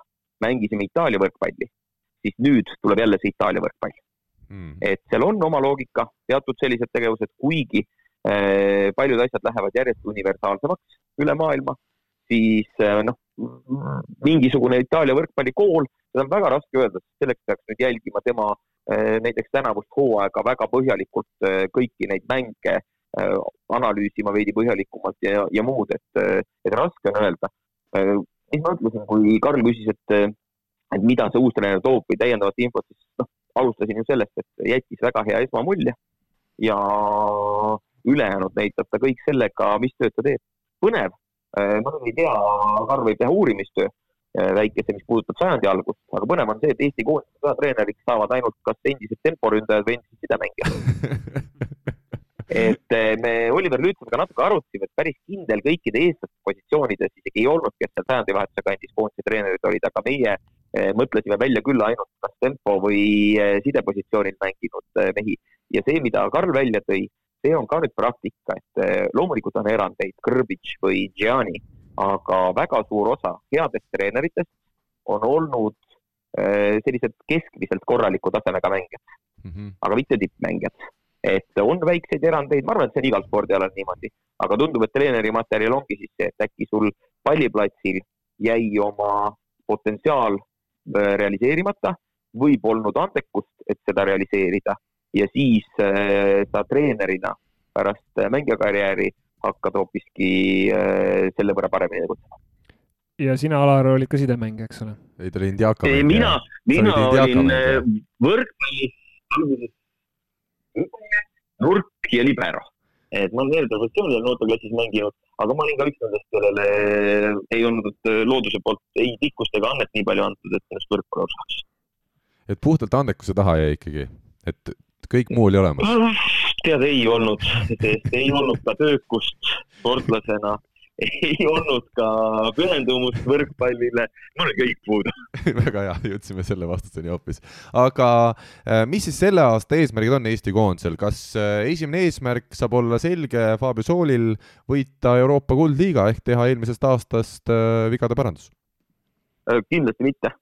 ma ütlen, et kui me räägime, väga hästi öeldi, et, et ma ei näinud viimase kahe aasta jooksul Eesti võrkpallimeeskonnas arengut mängulist arengut. see, mida tõi aastal kaks tuhat viis, kui tuli Aavo Keel Eesti koondise peatreener, kus aasta-aastalt teatud asjades tekkis areng. siis tuli Gretu ja jälle aasta-aastalt tekkis mingisugune areng. viimase kahe aastaga ma sellist äh, järgmist sammu ei näinud. et ma arvan, et tulemustest üle see, mida ka juba mainiti, on need ainult noormängijad, on see põlvkondade väljavahetamine, on see mingisuguse mängu mõtte kinnistamine või mingi mängustiili harrastamine, ükskõik kuidas, mina tahan näha nagu mingit sammu Eesti koondise äh, arenguredelil edasi. on see ja, realistlik või, kui me oleme Euroopas ja esikümne piirimail juba mängime oma väikese riigiga, kas see on üldse realistlik ja nõuda veel edasi minekut? loomulikult on realistlik, otse loomulikult. Ja peatreeneri nägemus, ma arvan, et tal on väga selgelt olemas oma võrkpall, mida ta mängib, vaatame, kuidas see meie mängijatele sobib ja kuidas ta suudab oma võrkpalli ja seda ideoloogiat kohandada sõltuvalt siis sellest, et milline materjal on käes. klubis on lihtsam, sa ostad endale mängijaid kokku, ükskõik kus rahvusest või riigist põhimõtteliselt ja sa teed nendest oma võrkpalli ja oma meeskonna. aga koondises sul on ikkagi materjal, mis on passi kodakondsusega piiritletud, et sellepärast sa pead ka paremini kohanduma. Hmm. Okei okay,, äh, aga ikkagi eesmärkidest rääkides, spordis me peame äh, tulemusest, äh, väga lihtne, üks tulemus ainult, EM-finaalturniirile pääs no aga selle, ma arvan, kogu austuse juures kõigi tugevate treenerite juurde võib-olla ka duo Rinaldo Uivo, Uivo Leht viiks Eesti koondise EM-finaalturniirile, kui me nüüd väga, väga palju aga, midagi metsa ei keeraks. jaa, aga see on, sa ütlesid sinna ette võib-olla ja vaata, mine sa tea, vaadates, et, et millises alagrupis selgelt kõige nõrgemas EM-alagrupis me olime ja me sealt edasi kuueteist hulka isegi ei saanud mm. -hmm. Kas Läti saab järgmine kord EM-finaalturniirile? väga ka samamoodi selline kahtlane, selliseid piiripealseid meeskondi, nüüd välja jäänuid, kasvõi Austria või mis iganes, et kes meiega on sarnases klassis, võib normaalselt mängida, neid riike on piisavalt. ehk eh, iseenesestmõistetav ei ole see, et me EM-finaalturniiril mängime natukene võib-olla pärast seda, kui kahekümne nelja peale see võistkondade arv tõsteti, natukene võib-olla on muutunud see kõigi jaoks juba iseenesestmõistetav, et Eesti võrkpallimeeskond on EM-finaalturniiril. jalgpallis ei ole ta kunagi olnud, korvpallis on ta vahelduva eduga, vahest on, vahest ei ole, pigem võib-olla isegi viimastes tsüklides rohkem ei ole olnud. aga võrkpalli puhul öö, selline iseenesestmõistetav, aga ma ei ütle, et see nii kindel on. sellepärast see ongi miinimumeesmärk ja tulemuslik eesmärk selleks suveks mm.. kas äh, sinu varasemast jutust õigesti sain ma aru, kui ma teen nüüd järelduse, et Eesti B-koondis või midagi selle taolist on ka eeloleval kevadel-suvel meid äh, taas ees ootamas? pigem mitte, pigem mitte sellise nime all, aga natukene eeldan veidi uuenenud töökorraldust mm.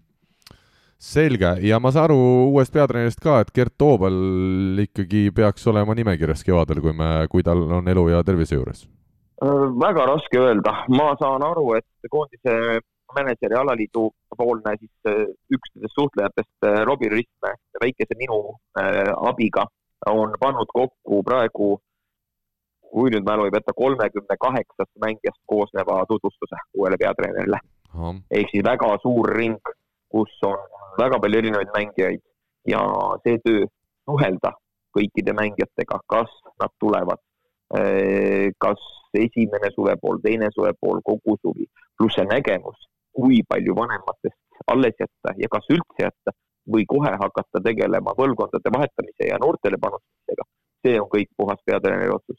kui ma alguses rääkisin, et peatreener otsustab ja vastutab selle eest, EM-finaalturniiri näitel, keda ta väljakule saadab, siis täpselt samamoodi peatreener otsustab selle, keda ta koodisse kaasab. ja me ju teame ükskõik mis võistkonnaalal on see väga palju kirgi kütnud teema. Äh, klubide eelistamisi, on see siis võrkpall või on see jalgpall, et miks sealt võetakse nii palju, sealt nii vähe, kõik muud asjad. noh, selle poole pealt mulle isegi natuke meeldib, et meil on äh, välismaa treener, kes ühegi klubiga ei ole seotud ja vähemalt sellist onupojapoliitikat ei saa kahtlustada. Äh, üks küsimus ongi see, et seal pressikonverentsil ja pressiteates tuli ka välja, et ühtpidi on uue peatreeneri üks ülesandeid aidata Eesti mängijaid, äh, eelkõige siis noori välismaale, ja teine oli siis see, et, et tegelikult äh, miks seal siis Itaalias ka ei taheta Itaalia kõrgliigas, et mõni treener samal ajal mõnda koondist juhendaks, põhjus on see, et äkki hakkab tooma oma mängijaid sinna võistkonda, et see oli üks sellest äh, keelu põhjusest, et äh, need asjad lähevad natukene omavahel, mulle tundub äh, nagu risti, kas sulle, Alar, nii ei tundu?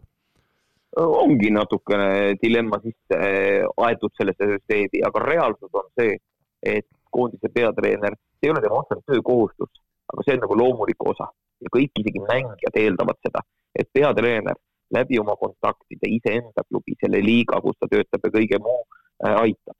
kui me mõtleme kuue aasta peale, mis Secretu oli, noh, julgelt kümme pluss mängijat said tema abi äh, leidmaks endale klubi kuskil välisliigas. kui me võtame kokku see Seike Nardi kaks aastat, siis äh, see number on täpselt ümmargune null. Jah, jah ja ma tean, siin oli juttu, kui vist kas temporündet oli Berliinil vaja, siis Aganits oli tol hetkel saadaval, aga ikka läks üks teine mingi välismaa. Mm, jah, et ütleme niimoodi, et ega seal on, seal on see, et mitte, et Erki oleks tahtnud, ma olin kõrval ja ma nägin ja ta üritas ja ta ka proovis, aga ei tulnud välja. Ei olnud nii, et ma nüüd ei, ei tahagi eestlast äh, aidata mitte kuhugi. loomulikult ta ka ise suhtles agentide, erinevate klubide esindajatega ja noh, samas äh, kui me nüüd võtame abitreeneri äh, Loigi, siis tema ju võttis enda meeskonda Juhan Vahteri nii et äh, kui me räägime siis laiemalt staffist, siis ikkagi üks Eesti mängija otseselt tänu koondisele välisklubi leidis. ja Oliver Lüütsepp võttis Agavolles Mart Naaberi. Just nimelt. Ja ega ei saa alahinnata ka selle hooaja üleminekut Kristo Kollo Agavollesse et iga natukenegi spordiasju jagav inimene teab ju, et seal ka mingil määral Oliveri käsi on mängus. täpselt nii. Äh, mida me siis veel uuest aastast äh, öelda või teada saame, kas meil midagi olulist on rääkimata? Euroopa meistrivõistluste valikturniir on leidmas aset siis suve teises pooles ja suve esimene pool, nii nagu öeldud, Euroopa Kuldliiga. no me ikkagi äh, võrkpallisõbrana tahaks, et ka Euroopa Kuldliigal oleks Eesti kõige parem koosseis väljas, Alar, kui tõenäoline see on?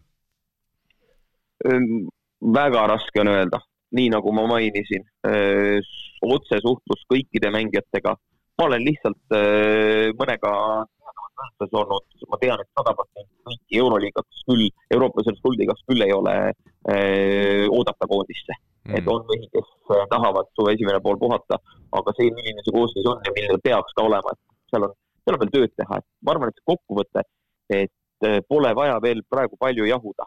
meil aprilli lõpp või päris mai algus algab koondis, ma usun, et mingid päris mitmed nädalad enne seda on mõistlik oodata informatsiooni koosseisu kohta, keda koondisse üldse kutsuma hakatakse. ja, ja siis äh, anname lihtsalt uuele peatreenerile aega ja tulevik näitab ja, ja lõpetuseks ma ütleks ka nii palju, et äh, sai siis ka isiklikult kaks sõna räägitud uue peatreeneriga tõesti, nii nagu Alar ütles, ka minule ajakirjanikuna jättis esmapulje põhjal väga sellise meeldiva ja ütleme, alalhoidliku ja, ja ütleme, heas mõttes alalhoidliku mulje, et et tundis austust, tundub selle vastu, kus ta nüüd tööle asub, ei olnud nii, et nüüd tema tuleb ja lööb kõik ja näitab, kuidas võrkpall tegelikult käib, et, et hea mulje jäi ka siit, nii et soovime uuele peatreenerile Fabio Soolile siis kaheks aastaks ja loodetavasti, kes teab, ka pikemaks ajaks siis Eesti koondise eesotsas edu. meie aga läheme siit edasi tänase saate järgmise teemaga kes võidab keda, kas sina oskad ennustada seda? spordiennustus portaalis Pahv, Pahv lööb pahviks. Nii, ja nüüd siis äh, meie väike vaherubriik Pahvi ennustusmäng ja ja viimati me siis eelmise aastanumbri sees veel ennustasime ja küll läks hästi, küll läks hästi Kertu Laagil, Hendrik äh, Rikandil ja ka minul, äh, Mihklist pikemalt ei räägi, aga, aga sul ikkagi, Alar, läks eriti hästi, sest, sest ähm, Hendrik Rikand, teie klubi mänedžer, ennustas sinu nimel ja ennustas Nii, õigesti. mida ta ennustas üldse? ta ennustas, et korvpalli Euroliigas Madridi Real, kes pidi sisuliselt noorte võistkonnaga mängima äh,, alistab Moskvat CSKA ja seal oli neli koma kaks koefitsient ja mingil imemoel Reali siis äh, noortevõistkonnal õnnestuski CSKA põhivõistkond alistada seitsekümmend üks, kuuskümmend viis ja tegi siis seal viieteistkümnest eurost kuuskümmend kolm, teine ennustus küll läks mööda NBA-ga seoses, aga aga no Alar, sooviks nüüd sinu käest sarnast äh, esitust. ma ütlen üldseisu ka ära, Rivo Usikmäel liider kakssada nelikümmend neli eurot, äh, Alar, sina oled kolmas saja kaheksakümne kahega, äh, Rene Teppan on teie vahel, Mihkel on neljandal kohal. Ja vabandust, Alar, sinu saldo tõusis kahesaja neljateistkümne peale, mul on see siin ka kirjas, Mihkel on siis neljas, sada üheksakümmend seitse eurot ja mina olen seitsmes saja kuuekümne nelja euroga. nii, Alar, sõna sulle. Paneme siis kolmkümmend oli meil summa, jah? just kakskümmend viis sellest läheb gigantide lahingule ehk siis äh, täna õhtul meistrite liigas äh, Saksa Genjerzin Kozle võõrustab äh, Lube Civitanovat mm. -hmm. ja Saksa võidukoefitsient on üks koma seitsekümmend üks ja Gianni Gretu juhendavale võitjale, nende võidu peale ma siis ka panen oma kakskümmend viis eurot. selge ja ülejäänud viis? ja ülejäänud viis läheb nüüd öö, oota, oota, ütle korra, ütle korra uuesti, sest äh, tuli jälle see maksmata telefoniarve ette. sõber Andri Agan kes mind on juba siin saates alt vedanud. kuule, oot-oot-oot, selle klaarime küll ära. kellele, kui ja mil moel sa tasud need kõik võlad, mis mina plaanisin siis äh, vastasvõistkonna peale ilusti panna ja sa räägid nii ilusti kõik roheliseks ja soojaks ja Friedrichshafen kaotab selle mängu kaks-kolm. nojah, näed, juhtub juhtub ka parimates peredes, nii, kuulame. just, aga nüüd mängib äh, Friedrichshafen Poola ühe tippklubi Ješembi Vengeliga ja enam sa ja nende. võidukoefitsient on kaheksa nii, ja puht sellepärast ma panen viis eurot sinna, et koefitsient on nii hea. on Ikka seal usun. võimalust, sa arvad no muidugi see, et see mängib ära, seal on nii koroona jamad ju, mm? -hmm. aga paneme, sellepärast ma panengi nii väikse summa, et võtan väikse riski. selge, nii, Mihkel, võtame nüüd sind ette. CEF karikas, siis täna on äh, Monza Vero Volli mängimas ühe Türgi võistkonnaga, on see vist Türgi võistkond? kohe võtan ka lahti, Äh, on Sport Otto, jah? jah, ja nende võidukoefitsient on üks koma nelikümmend kolm, nii et äh, pool traditsiooniliselt siis sinna Monza peale. Ja siis on veel mängimas äh, siin Galatasaray äh, ja Carlo Varsko. et äh, seal paneks koduvõistkonnale üks koma kuuskümmend üks on koefitsient. mm. -hmm. selge, nii et Karlo Varsko sinu hinnates peaks äh, võitma Jah. selle mängu. no mina, mina, ma küll olen väga Gianni Gretsu mm, võistkonna poolt täna Saksa ja, ja Luube mängus, aga ma usun ja ennustan, vaadates siin koefitsienti, et hea võimalus on siit hästi raha teenida, kakskümmend viis eurot läheb siis selle peale, et äh, Luube võidab võõrsil selle mängu, kaks koma null kaks, jah, koefitsient. ja teiseks ütleme siis äh, viis eurot peaks ka kuhugi väga mõistlikult investeerima ja, ja mis saaks siis olla parem, kui öelda, et äh, no nii, võtame CEF kapist siis ka ühe mängu ja, ja midagi sellist peaks nüüd siit võtma välja, mis ka natukene sisse tooks, aga hetkel palju variante ei näinud. no teeme sellise suurüllatuse, et Tours kodus alistab äh, Modena, sinna läheb viis eurot ja koefitsient on seitse koma null. Alar, ütled sa, on mul midagi loota tagasi saada järgmisel nädalal või, või pigem mitte? jah, sellepärast, et see Luube Saksa, ma ütlen, et see on gigantide heitlus ja kindlasti üks väga vingel tasemel võrkpall. Ja täna õhtu kolmapäeval, mil me saadet lindistame, kell seitse on siis mäng Eesti aja järgi algamas ja peaks siis olema Eurovolley tv-s kõigil nendel, kes, kes seda jälgivad, võib-olla mõned mängud pannakse ju ka Youtube'i tasuta, saab seda ka tasuta näha, et äh, on seda mängu võimalik vaadata, nii et anname siit ka oma mitte lugemissoovituse, vaid vaatamissoovituse selleks nädalaks. meie aga läheme edasi ja võtame ette tänase saate järgmise teema.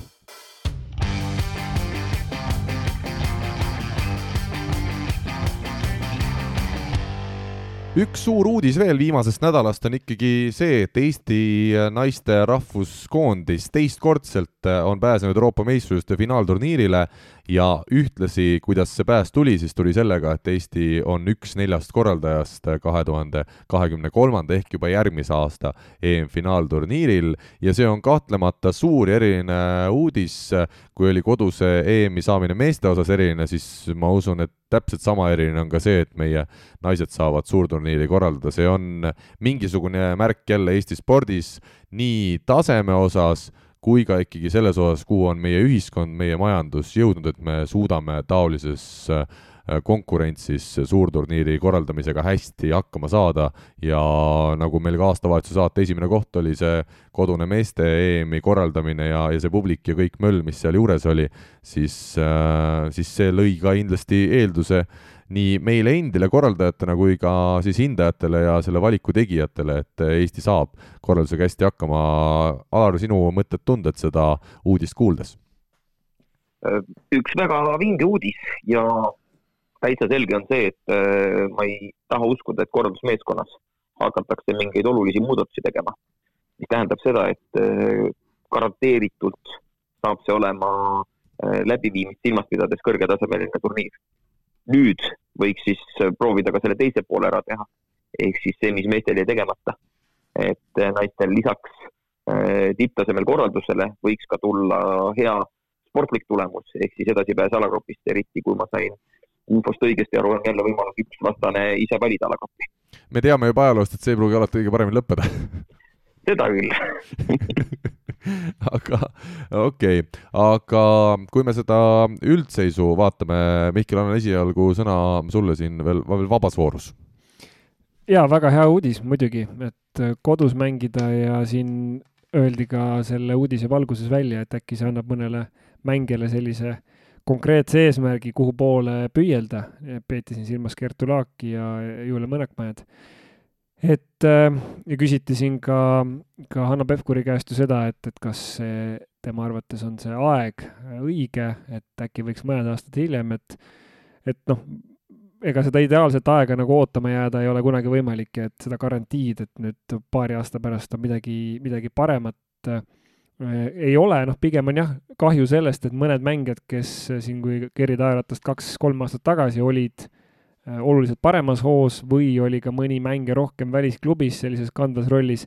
et aga noh, see on, see on nagu loomulik, et äh, lihtsalt küsimus on selles, et kui äh, lihtsalt huvitav nagu olukord, et kui me siin enne, enne rääkisime, et et võrkpallis võib olla niimoodi, et sul on noh, peatreener tegeleb koondisega ainult mingisuguse kindla aja, et ma ikkagi loodan, et nii, nii päris ei ole, et mängijad saavad hakata tegelema ainult koondises, äh, et nad peavad ikkagi klubis ka ennast eelnevalt tõestama ja vormi hoidma, ma lihtsalt pean silmas, et kui koondise kapten andis, äh, andis kommentaari, siis äh, noh, tal on juba sisuliselt pool aastat võrkpallist ju, ju pausi, juba, juba praeguseks, et lihtsalt loomulikult on võimalik sealt tagasi tulla, on võimalik uuesti seda vormi koguda ja võib-olla selline motivaator ongi, ongi seega lihtsalt see noh, kõrvalt vaadates on natuke selline äh, ohumärk, et äh, et noh, Kertu kindlasti saab ka äh, jalad alla õige pea, selles ei ole, ei ole kahtlustki, et, et aga noh, pigem on küsimus selles, et, et kuidas sujub selle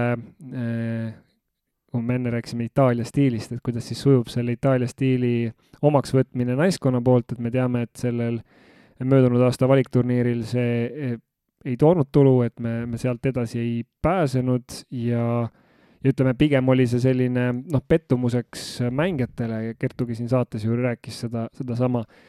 et, ähm, et ehk siis noh, treeneriga otsustati edasi minna erinevate Nardist, et ju siis seal oli ikkagi potentsiaali ja ju need suhted olid seal nagu paremad ja sisekliima järelikult äh, vähemalt asjaosalised hindasid, et seda, et, et seal on nagu mingit ideed ja et see on parem, aga noh, see on ikkagi küsimärk selles mõttes, et et ega Lorenzo Micheli peab ennast veel, peab ennast veel tõestama selles mõttes, et ta ei ole naistekoondise peatreenerina eh, oma eelkäija saavutust veel kuidagi ei korranud ega ka ületanud, et nüüd ta finaalturniiri koha küll tagab, aga just, et kuidas ta selleks ette valmistab. ja teine pool on see, et kas mängijad, kes on ju noh, ikkagi, kes Eestis mängivad, on kõik harrastajad, eh, kas nad saavad mingisugust tuge selleks, sest et selleks, et noh, ma olen väga seda meelt, et on võimalik koondist küll ehm, niimoodi väga tõhusalt ette valmistada finaalturniiri, finaalturniiriks isegi siis, kui see liiga, kus nad mängivad, ei ole professionaalne või isegi ei ole poolprofessionaalne. aga lihtsalt küsimus on selles, et noh, kuidas seda teha, see, see ikkagi nagu noh, isegi kui sa mängid harras-, ütleme siis amatöörvõistkonnas, et kui sa ise saad mingi aja vähemalt äh, keskenduda treenimisele, ettevalmistamisele, kas või mingisuguses sellises pundis, et see on nagu huvitav näha, et kas siin tuleb mingi täiendav noh, ma ei tea, süst selleks, sest et sest et noh, võistkonnana ettevalmistuse osas ma, ma ei ole, ei ole mul kahtlust, et seda tehakse põhjalikult ja, ja pikalt ette, küsimus on selles, et mis vormis on mängijad selleks hetkeks, kui nad siin seal koondisse jõuavad Äh, ma võtaksin siis sellesama asja hetkeks äh, ette ka, kui meil on täna poolteist aastat kodus EM-finaalturniirini. Äh, võtame selle nii-öelda võimaliku algkoosseisu. Julia Mõnnakmäe täna kodumaal tegemas nii-öelda tavatööd ja, ja võrkpalli hetkel vähemalt tõesti ei, ei mängi ka kodumaal, tema on siis sidemängija kaks nurgaründajat, eeldatavasti siis äh, vähemalt viimaste aastate põhjal Kristiine Miilen mängimas Itaalia esiliigas, Nette Peit mängimas Prantsusmaa esiliigas, äh, Kertu Laak hetkel koduklubita, aga nagu me kõik juba teame, loodetavasti hooaja teisel poolel jälle korraliku väljundi endale leiab. temporündajad Liis Kullergann Prantsusmaa kõrgliigas, temaga selles suhtes kõik hästi, aga teine temporündaja eeldatavasti ikkagi Liise Hollas äh, tegeleb spordiga Eestis äh, muude tegemiste kõrvalt ja meie libero siis võiks olla ikkagi Kristin Õlvak, vähemalt praegu vist nii tundub ja tema ka Eestis tegelemas siis võrkpalliga muude äh, asjade kõrvalt, et meil, meil ikkagi täna on väga habras seis naistekoondise põhitegijad, noh, räägime siin Eva-Liisa Kuivanist, me võime rääkida juba kui potentsiaalsest põhitegijast ja nurgaründajana, aga me ei tea veel ka tema valikuid, on see lõpuks saalivõrkpall või rannavõrkpall järgmisel kevadel. ja siin on mitu mängijat, kes on ju sel kevadel. ja kes on välismaal käinud ja on ka nüüd tagasi tulnud, et kelle, kelle karjäär selles mõttes ei ole võib-olla noh, on tagasilöögi saanud, et noh, Hanna Pajula või siis ka Ingrid Kiisk näiteks, et kes, kes käisid välismaal, tulid tagasi, et noh, nad ei ole ka olnud nüüd koondises äh, mingid kindlad põhimängijad, on ju, aga lihtsalt, et kui me räägime nendest, kes on, kes on selles vanuses, et kelle, kelle, kes nii-öelda võiksid edasi minna, aga jah, siis järgmine hetk ongi vaadata sinna äh, Audentese aga see ongi see koht, kus pooleteist aasta pärast Euroopa tasemel mängijaid meil veel ei ole ilmselt Nendest noortest ma mõtlen. jah, võib-olla ei ole Euroopa tasemel, aga vähemalt sel tasemel on, et äh, nad äh, pääsevad sinna koondisesse või sinna noh, ligilähedale, sest mõni neist on juba ju ka viimased aasta-poolteist koondise tsüklit kaasa teinud, seesama Kuivanen, keda sa mainisid, ja seal on veel üks või kaks mängijat, mõni ka, kes on nüüdseks Tallinna Ülikooli äh, rivistuses juba, nii et ega see seis selles mõttes noh, kui ma mõtlen nagu klubide mõttes ja mängu, mängu mõttes, kui me kerime selle hetkeni tagasi, kui koondis kvalifitseerus finaalturniirile, siis noh, tol hetkel Soome ees alagrupi võitjana, äh, tõsi, noh, ka teine koht oleks olnud piisav, sest suurendati ju tol aastal kahekümne neljani äh, osalejate arvu finaalturniiril, et, et noh, siis oli see, see noh, ja ilmselt ka tänu TalTechile, kes oli noh, selline koondise, mingil hetkel koondise farm-klubi ja kus olid nagu natukene äh, Äh, noh, mitte farm-klubi on nagu palju öelda, aga ütleme, mängisid mitmed, mitmed koondise mängijad, aga ütleme, et see andis sellise täiendava toe, aga noh, jah, ütleme tagantjärgi vaadata lihtsalt äh, nii, nagu me siin saates oleme rääkinud, et seis on praegusel hetkel selline, et äh, Audentes on see võistkond, kes treenib täna kõige professionaalsemalt selle, sellepärast, et lihtsalt ja võistleb sellepärast, et nende koolitsükkel on, võimaldab arvestada seda, nende võistluse treeningtsüklit ja teist, teised kõik, kuna nad teevad oma põhitöö kõrvalt seda, siis seal on palju keerulisem sobitada neid asju. Alar, kuidas sulle see sportlik äh, tase Eesti naiskonna juures äh, hetkel tundub, kui me mõtleme järgmise aasta EM-ile? minu jaoks on päris murettekitav see olukord ja te siin üsna põhjalikult ja pikalt äh, tõite need ohukohad välja.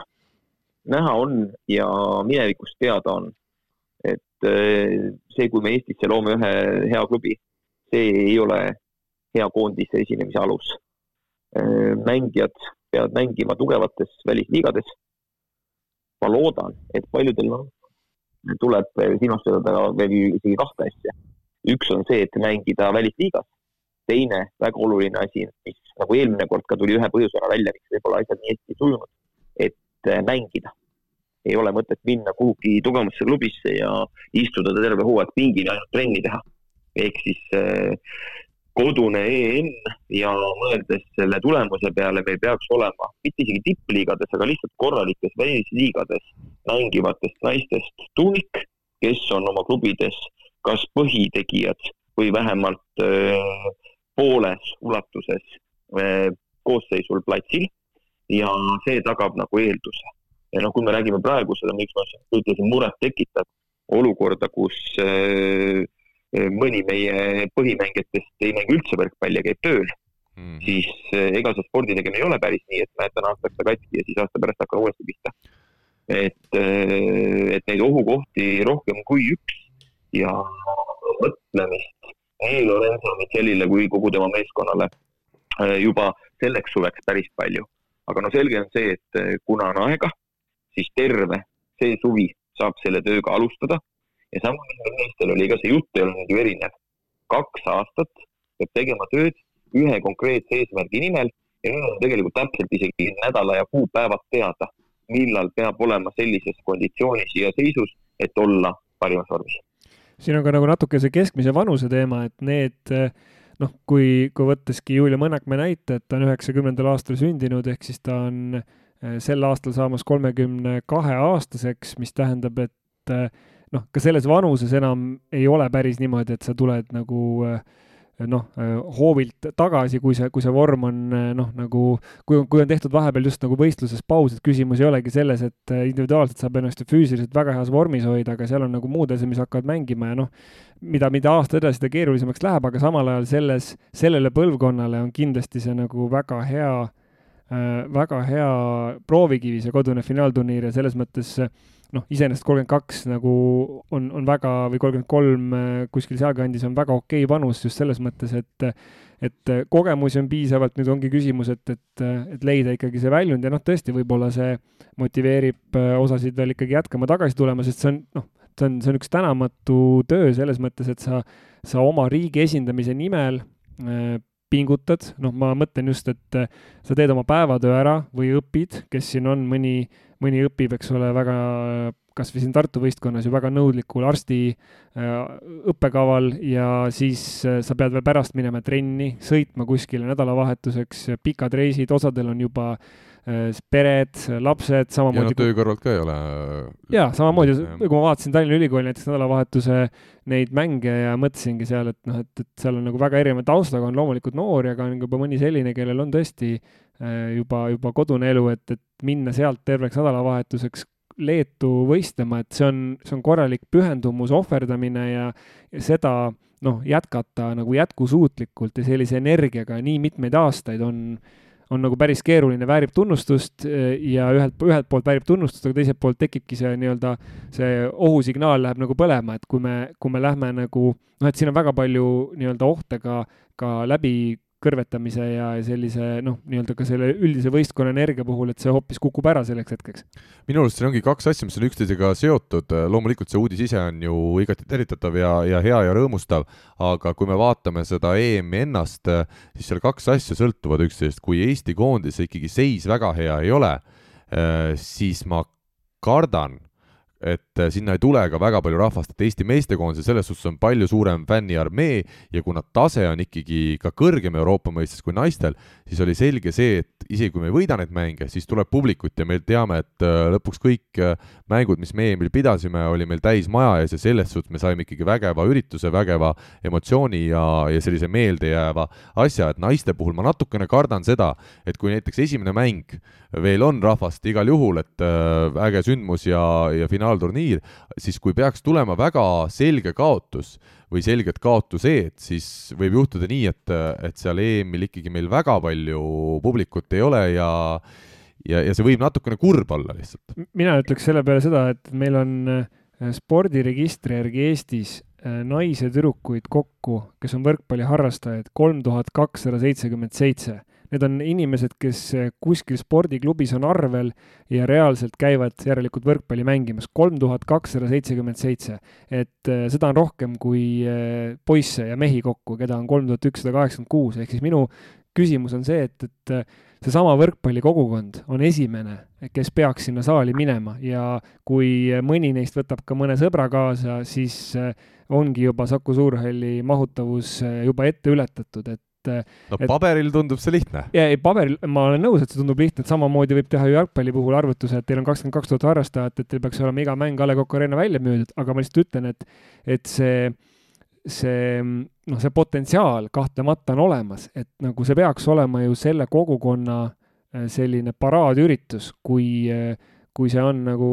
noh, kui see, kui see kogukond nagu hoolib sellest, et võib-olla on äh, lihtsalt osad inimesed mängivadki võrkpalli niisuguse hea tervis, ütleme, tervislikel eesmärkidel, et, et hoida ennast vormis ja nii edasi, et aga nad, neid ei huvitagi võib-olla see side just selle rahvusvahelise võrkpalli tipuga, et eks siin on, noh, ma olen seda jalkas kogenud, et äh, naiste jalkas samamoodi, et küsimus, et kas äh, naised, kes ise mängivad, kas nad vaatavad meeste sporti samal alal või nad vaatavad naiste sama ala tippe, kummale nad siis kaasa elavad, et see on selline noh, huvitav küsimus, et kas nii-öelda need kes tulevad siia Tallinnasse, kas need on nende tüdrukute jaoks, kes võrkpalli mängivad, ka reaalsed staarid või ikkagi nende jaoks on staarid need, kes äh, näiteks Prantsusmaa koondisega käisid siin äh, Euroopa meistrivõistluste finaalturniiril. ja teine asi on puht, puht praktiline, et kui see praegu on kirjas, et see EM toimub august-september ehk siis äh, ütleme sügise saabudes, võimalik, et kui meil on väga palju harrastajaid Tallinnast väljas, siis äh, noored äh, võrkpallurid, olgu nad siis poisid või tüdrukud, lihtsalt koolis sel ajal, kui, kui peaks Tallinnas õhtul mängud olema. Alar, kuidas sulle tundub see seis? no nüüd oli äh, selline väike äh, vastasseis, sinul üks arvamus, küll selline äh, ettevaatlik ja diplomaatiline, aga Mihklil justkui teine arvamus ja täna on siis see harv kord, kui ma jään Karli poole. ehk siis naiste publiku rekord Eestis on toimunud nendel päevadel, kui toimuvad mängijad kaks mängu, kõigepealt naised ja siis mehed otsa.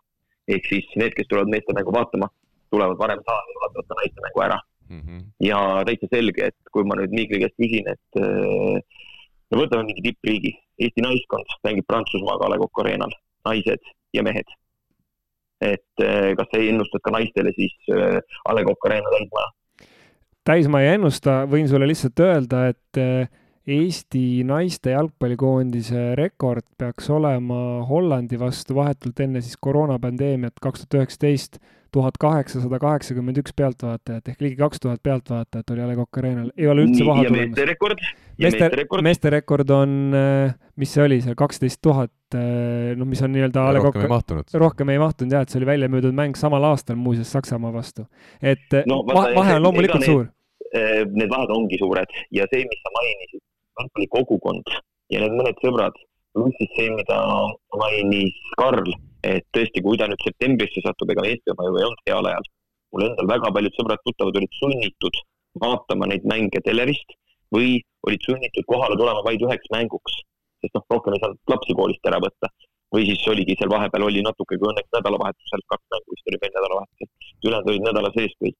et jah, Tallinnast väljaspoolt tulijatele igati keeruline, pluss äh, mõtle selle peale, et EM kestis meil meestel mingi üheksa-kümme päeva Mm, Tallinnasse elamine, kümneks päevaks perega hotelli, noh, see on ka kulukas. no minul on, minul on elu, elutoas on diivan, mis käib lahti, nii et kui on võrkpallisõbrad, kes leiavad, tulevad kaugelt maalt, võib-olla palju asju on kaasas, palju lapsi on kaasas ja, ja on sellist tõesti soovi kuskil ennast majutada täitsa ilma rahata, siis no kaks-kolm, heal juhul neli inimest isegi. see on väga väike diivan, ma võin öelda, oluliselt väiksem kui see, mis Alar no, Poolast tellis. selleks ajaks olen mina ka mingi preemia saanud ja nurgadiivani ikkagi kahekordseks okay. kasvatanud. aga noh, pigem on, pigem on lihtsalt küsimus selles, et no nagu keegi siin, ma ei tea, kes, kas Karl, sina mainisid seda, et, et kuhu me nii-öelda oleme jõudnud oma arengus või mingi selline lause oli sul selle naiste eh, finaalturniiriga, et et noh, eks see natuke näitabki seda, et kuivõrd tähtis siis see naistesport on ja, ja kui kohati tehakse sellist, noh, võetakse selline poos, natukene öeldakse, et oh, et eh,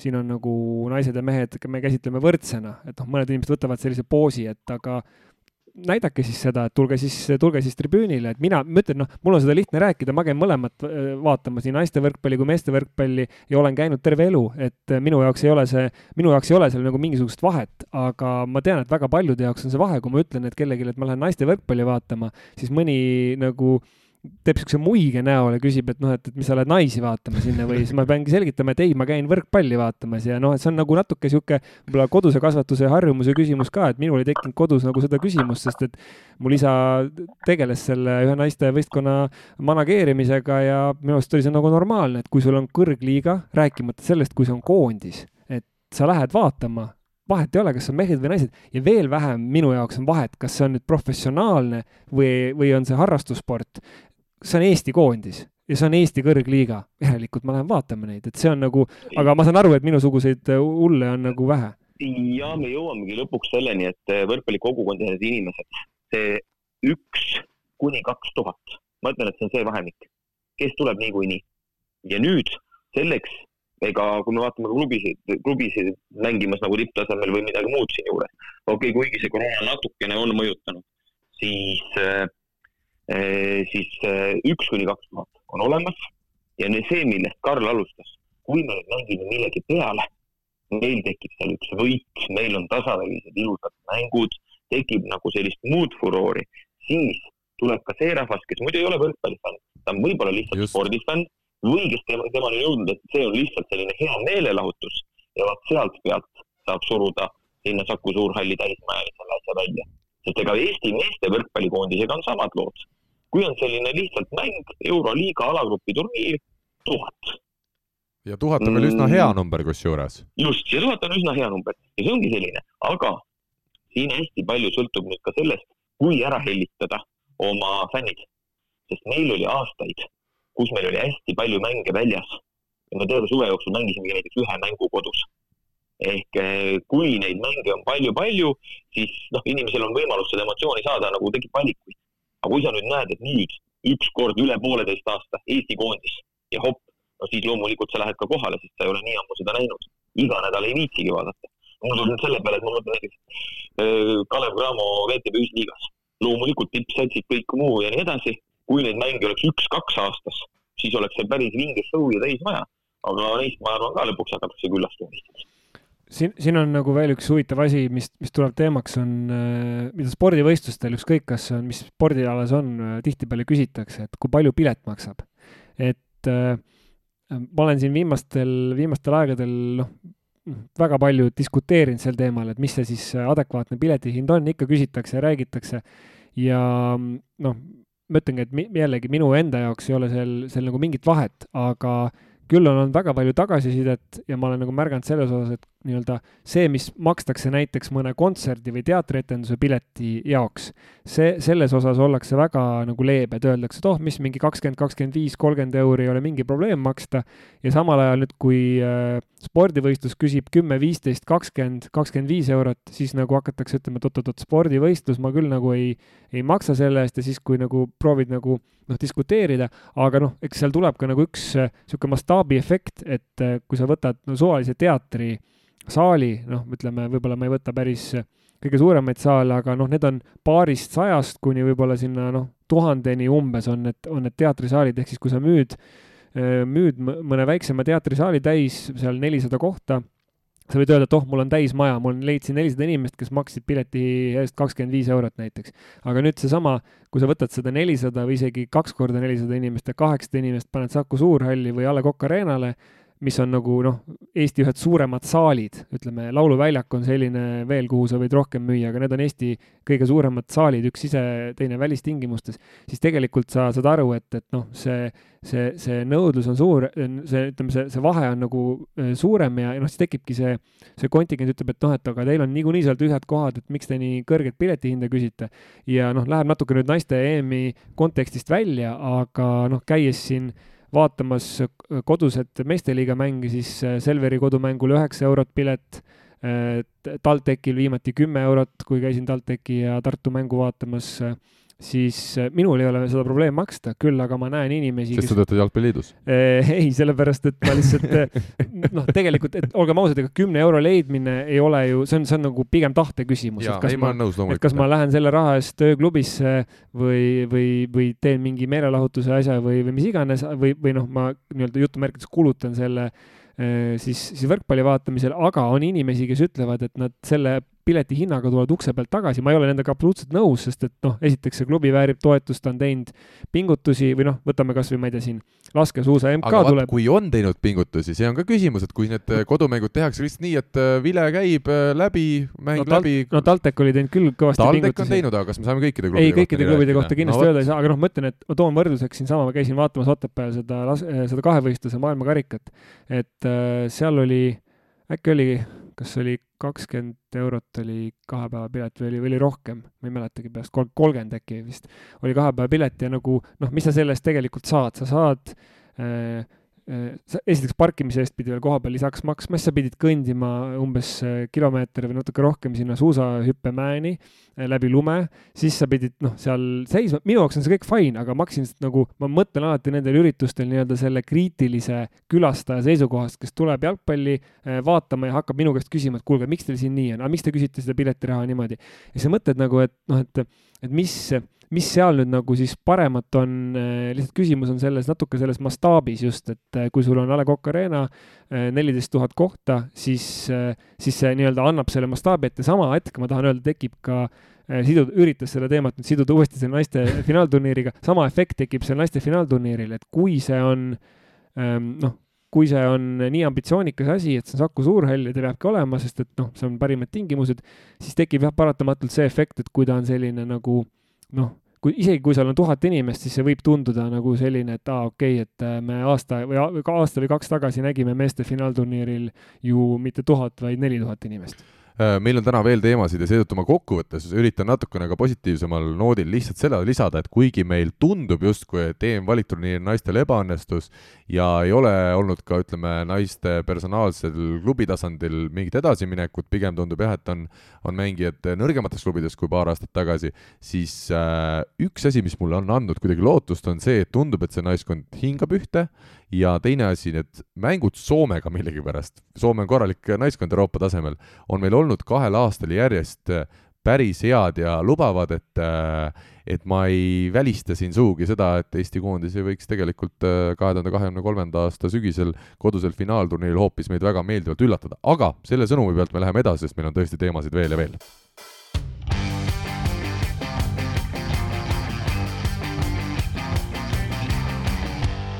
Tallinna Tehnikaülikooli meeskond on siis äh, eurosarja ainsa Eesti klubina jätkumas, jätkamas on õige öelda, ja üks kaheksandikk finaali avamängus siis eile teisipäeva õhtul alistati Schönenwerd Šveitsi hetke siis neljas klubi kolm-üks ja no rõõmu kui palju, aga aga Schönenwerdil oli üks mees puudu, kui meil olid Rasmus Meius ja Kris-Karis Lepp puudu, ilusti asendasid siis puudujaid Alari Saar ja Rauno Tamme, aga Schönenwerdil tundus, et see kõige tähtsam nurgamees oli puudu ja, ja ei olnud sellest Schönenwerdist korralikku vastast küll, ainsa game'i, mis nad võitsid, oli siis esimene ja sealgi pigem mulle tundub, et lihtsalt TalTech täielikult ise kuidagi kaotas keskendumise esimese game'i lõpus ära. Alar, nägid sa mängu ja millised on sinu mõtted? jaa, nägin kogu mängu ja elasin kaasa TalTechile. Mm, õigesti ütlesid, esimese game'i soperdasid ära, aga sisuliselt äh, domineerisid ja jah, raske on öelda. nii täpselt seda Schönenbergi ei ole järginud, jälginud sel hooajal, et kui palju see üks puuduja mees seal midagi teeb, aga noh, kasvõi vaadata sidemängijaid. esiteks, äh, olles siin ka Eestis Reto Kiigeri vastu mänginud, äh, see teine mees noh, oli ikkagi selgelt nõrgema kvaliteediga mm. -hmm. just tehnika ja kvaliteet ja kuhu pallid jõudsid ja mis kiirusega nad lendasid. ja üllatus oli see, et kui lõpuks tuli Kiiger väljakule, siis näha on, et ka tema täielikus alavormis. et ei, kuigi oli mõned ilusad liigutused, siis samas oli ka täielikku ebakõla. ja noh, mis ma kokkuvõttes oskan öelda, et tervitused äh, vanadele sõpradele, et äh, Kristo Kollo, Rainer Vassiljev, kes on mulle seda otse öelnud ja Kevin Saar kelle intervjuud ma olen lugenud ja kes on siin Šveitsi liigat selgelt Eesti omast paremaks pidanud. see aasta siis meie saime mängida Šveitsi number ühega, TalTech sai mängida sellise number kolm, number neli meeskonnaga ja no seal on ikkagi tasemevahe päris, päris selge aga siin võikski selle juurde tulla, et kas me natukene eestlastena ikkagi oleme nii tagasihoidlikud kuidagi, et meile alati tundub, et kõik, mis välismaal on, et see on parem ja uhkem, et väga-väga äh, nõus sinu praeguse selle hinnanguga, et tegelikult äh, Eesti liiga ei ole, ütleme, niisuguse, niisugustest või sellistest Kesk-Euroopa äh, keskpärasest liigadest mitte mingil moel täna, vähemalt meeste osas, kehvem no hetkel ei olegi ja kui me jõuame nüüd eelmise aasta juurde tagasi, siis eelmine hooaeg meil oli väga korraliku tasemega ja nagu korraliku tasemega meeskond, mõteldes, milline nagu tihedus ka veel siin oli. ja eelmine hooaeg äh, päris tõsine äh, vaidlus äh, Märt Tammearu agendiga, kes ütles mulle, et ma ülehindan Eesti liiga taset ja alahindan Prantsusmaa Pro B ehk siis tugevuselt teise liiga taset. kui ma ütlesin agendile, et, et Äh, ma rääkisin Märdiga ja ma ei soovita Märdil allkirjastada lepingut Prantsuse Pro B-s, sest ta on väärt mängima kõrgemal tasemel. Yeah.. ja ma ütlesin seda selle pealt, et äh, teades, kui korralik on Eesti liiga tase ja kui hästi ta siin hakkama saab. ma olen jätkuvalt seda meelt, et äh, siin on võimalik korralikul tasemel tööd teha ja välismaale minemine lihtsalt välismaale minemise pärast, eriti mõeldes siis teatud riikide teisi liigasid, ma ei räägi muidugi Itaaliast kus on võib-olla ka Poolast, kus on siis teine liiga väga kõrgetasemeline. aga teatud riikidest alates, kuigi selle hooaja Prantsusmaa Pro B kohta pole midagi paha öelda, see tase tõusis, seal saadi korralikud eelarved kokku, aga sellegipoolest eh, sul võib olla õigus, et eh, me kipume võib-olla end mitte nii heaks pidama, kui me mingil hetkel tegelikult isegi oleme ma ütlen ära selle esimese mängu statistika ka, Kevin Saar ja Matej Midel kumbki siis seitseteist punkti pluss kümme pluss üksteist efektiivsusnäitajad. Ja kes tegid siis statistikat, kaks meest äh, euromängust, see oli ka huvitav minu arust, ilmselt Eesti võrkpallis ajalooline hetk. ametlikku statistikat tegi Märt Pajusalu, kes siis Zürichi naiskonnas on tänavu treenerina töötamas ja Eesti klubile tegi Mihkel Sagar, et äh, Alar, saaks üldse võib-olla selgitada, miks on kahte statistikut vaja, kas siis äh, sellest, mida tegi äh, Märt Pajusalu, ei oleks TalTechile piisanud või seal on vist tegelikult mingid väiksed nüansid, miks see ei oleks toiminud? oleks toiminud ikka, aga jah. see ongi nüüd küsimus selline, et me oleme näiteks ise ka TalTechiga kokku leppinud, et kuigi TalTechi kodumängudel tihtipeale käib Mihkel Sagar nende jaoks tegemas, siis kui näiteks Mihkelil on võimalik tulla, meie mängime nendega võõrsil, kodumeeskonnana on TalTechil kohustus statistika teha, siis me oleme küll kokku leppinud, et kas siis meie vastu teeb Mikk Keskküla või kui nad mängivad Pärnu vastu, teeb Karl-Erik Aisenschmidt selle ära, et neid asju on võimalik teha aga nüüd eurosarjas ja konkureerides, siis nii palju kui mina tean, ikkagi Schönenberg palkas Märt Pajusalu endale statistikuks, aitama siis meeskonda, pluss tegema seda ametlikku statistikat. kusjuures siin sa eksid.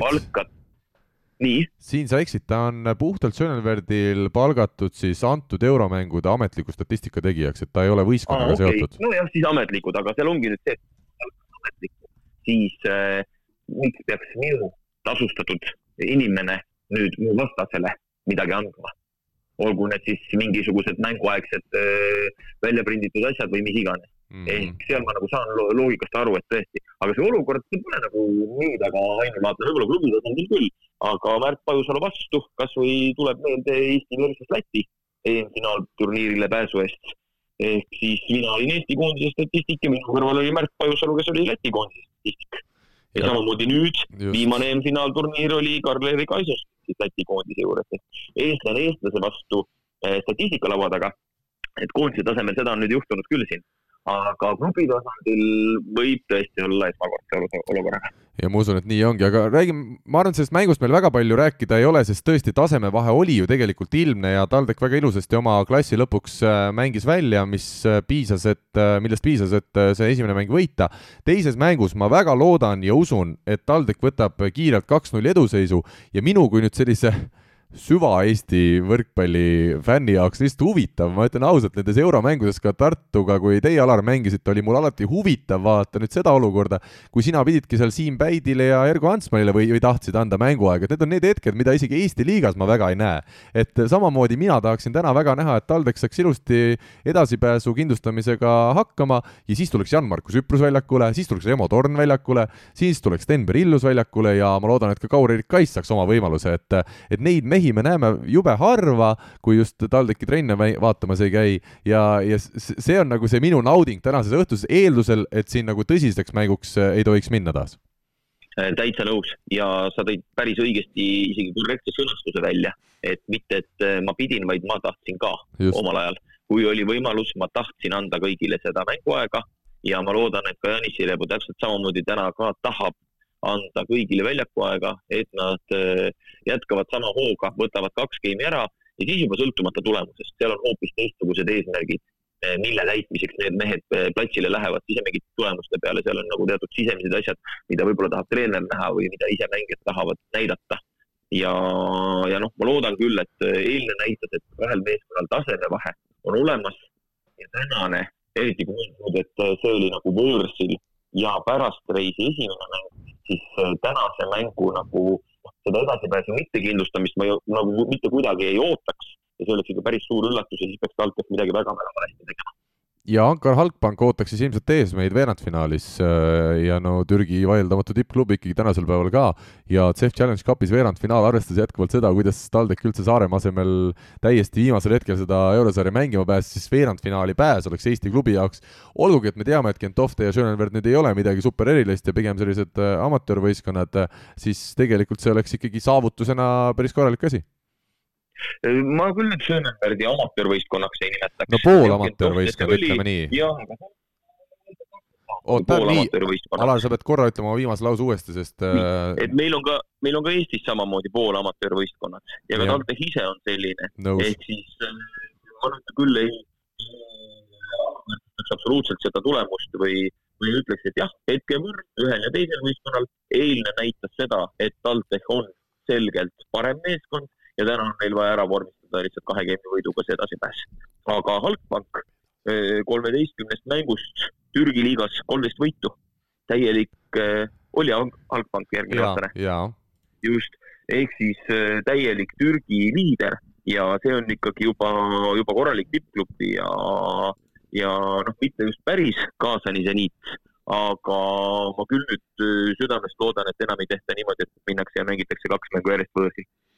Ma just tahtsin öelda, et see edasipääs ju paneb äh, mänedžer Uku Rummile täiendavad pinged peale, et kus see, kus see raha hankida, sest ega Saare, Saaremaalt siin enam nagu ka tuge, tuge ei ole, kui see algus välja arvata. Ja teine asi, millega Karl alustas seda kõike, et siis sada protsenti nõus, et me oleme eestlastena liiga tagasihoidlikud, me arvame, et meil on kõik siin oluliselt halvem, kui meil tegelikult on, eks võib-olla see on ka põhjus, miks me miks, või see on nagu võib-olla suhtumine, miks meil on asjad kohati päris head, sest et me kogu aeg kannustame ennast nagu takka, me ei, me ei rahuldu sellega, aga vahepeal tuleb see eh, selline reaalsuskontroll ka ära teha ja öelda, et okei okay,, mingid asjad tegelikult on päris hästi hästi on ka see, et meil on äh, saadet kulunud tund nelikümmend ja natukene pealegi, aga meil on veel mitu huvitavat äh, nüanssi tänases saates ette võtta. võtame siia siis Grade24 Balti liiga nädalavahetuse mängud. Äh, liiga siis naases pärast sellist aastavahetuse pausi oma tegude juurde ja Tartu Bigbank võitis võõrsil laupäeval kolm-üks TalTechi ja siin ikkagi peamine märksõna, Gert Toobal on tagasi ja nüüd minu selline puht äh, isiklik arvamus on ikkagi see, et see mäng, juba esimene mäng tõestas meile, et Gert Toobal jätkuvalt täna, kahe tuhande kahekümne teise aasta jaanuaris on jätkuvalt Eesti parim sidemängija. kas äh, olete nõus või mitte? Alar? Äh, loomulikult olen mina nõus. mille pärast me muidu siis äh, siin pea pool aastat vaeva nägime, alates septembrist, et ta uuesti mängukorda saada ja juba treeningutel, pluss tulemus tulemuseks või see, mida keegi teine näeb nagu väljaku kõrvalt, mul peatreenerina kliendi kõrval ikkagi mõnusam ja rahulikum olla, kui mul on nii kindel mängija platsil minu jaoks on see just Toobali puhul lisaks kõigele muule, tema, tema, ma ei tea, tõste kvaliteedile ja, ja mängu lugemisele on lihtsalt see, kui sa vaatad, äh, kui enesekindlalt ta ka positsiooni valib väljakul, et, et see on, see on asi, mis, mis lihtsalt noh, seda, seda on nagu huvitav vaadata kõrvalt, et, et kui noh, ta, ta oskab oma, oma kogemuse ja, ja sellise väga pika mängustaažiga mingeid asju ette näha ja ta ei, noh, ta, ta teab, mulle vähemalt tundub kõrvalt, et ta teab, et ta tuleb ka keerulistes olukordades toime, see on see, mida äh, vähem kogenud mängija tihtipeale ei tea ja käitub tänu sellele natuke niimoodi hüplikumalt. ja kõige tähtsam sidemängija puhul, mida ma ülekannet kommenteerides ka rõhutasin ikkagi, on see, et äh, ükskõik, milline on Gert Toobal täna plokis, servil, kaitses, kõige tähtsam on sidemängija puhul ikkagi üks ja üks asi ja see on see, et sidemängija tõsted jõuavad ilusti ründajateni, jõudsid temposse ilusti, jõudsid nurkadesse, et, et see mäng voolas ja toimis ja ei tulnud sellist ebastabiilsust sisse, mida me oleme näinud nii Renet Vankeri puhul, Robert Viieperi puhul koondises, mida me oleme näinud nüüd Aleksander Eerma puhul, Ronald Järve puhul, äh, Martti Keele puhul, et võtame kõik need ülejäänud Eesti sidemängijad, neil tuleb ikkagi mingi aja tagant jälle seda ebakorrektsust sisse, mida mina väidan, et Toobalil ei tule, kas nüüd Alari äh, terav silm kinnitab neid sõnu? No eks igal inimesel vahepeal tuleb, aga seal ongi see vahe, et kui üks mees on ikkagi tipptasemel juba üle kahekümne aasta mänginud, siis kogemused maksavad aga nüüd minu teine küsimus, Reet Vanker läks Maaseigi Greenyardi, on juba seal ka esimese täismängu kirja saanud, kõik on väga hästi tema vaatenurgast ja Eesti võrkpalli vaatenurgast. miks Gert Toobal kunagi ei mänginud üheski ikkagi Euroopa tippklubis, millest seal siis puudu jäi, ta mängis, nagu sa ütlesid, ju väga pikki aastaid välismaal, aga päris Euroopa tippu ta ei jõudnud, et midagi tal pidi ikkagi selgelt puudu jääma siis? või oli see õnn, millest jäi puudu või? väga palju on ka asi õnnes kinni, et eh, sinu agent mida ta leiab, eh, millised variandid on. tippliigadesse ta ju sattus, kui sa mõtled vähemalt ja, kaks hooaega Poolas ja ka Prantsusmaal eh, ja ka Türgis, aga tõesti tippklubidesse ta ei sattunud.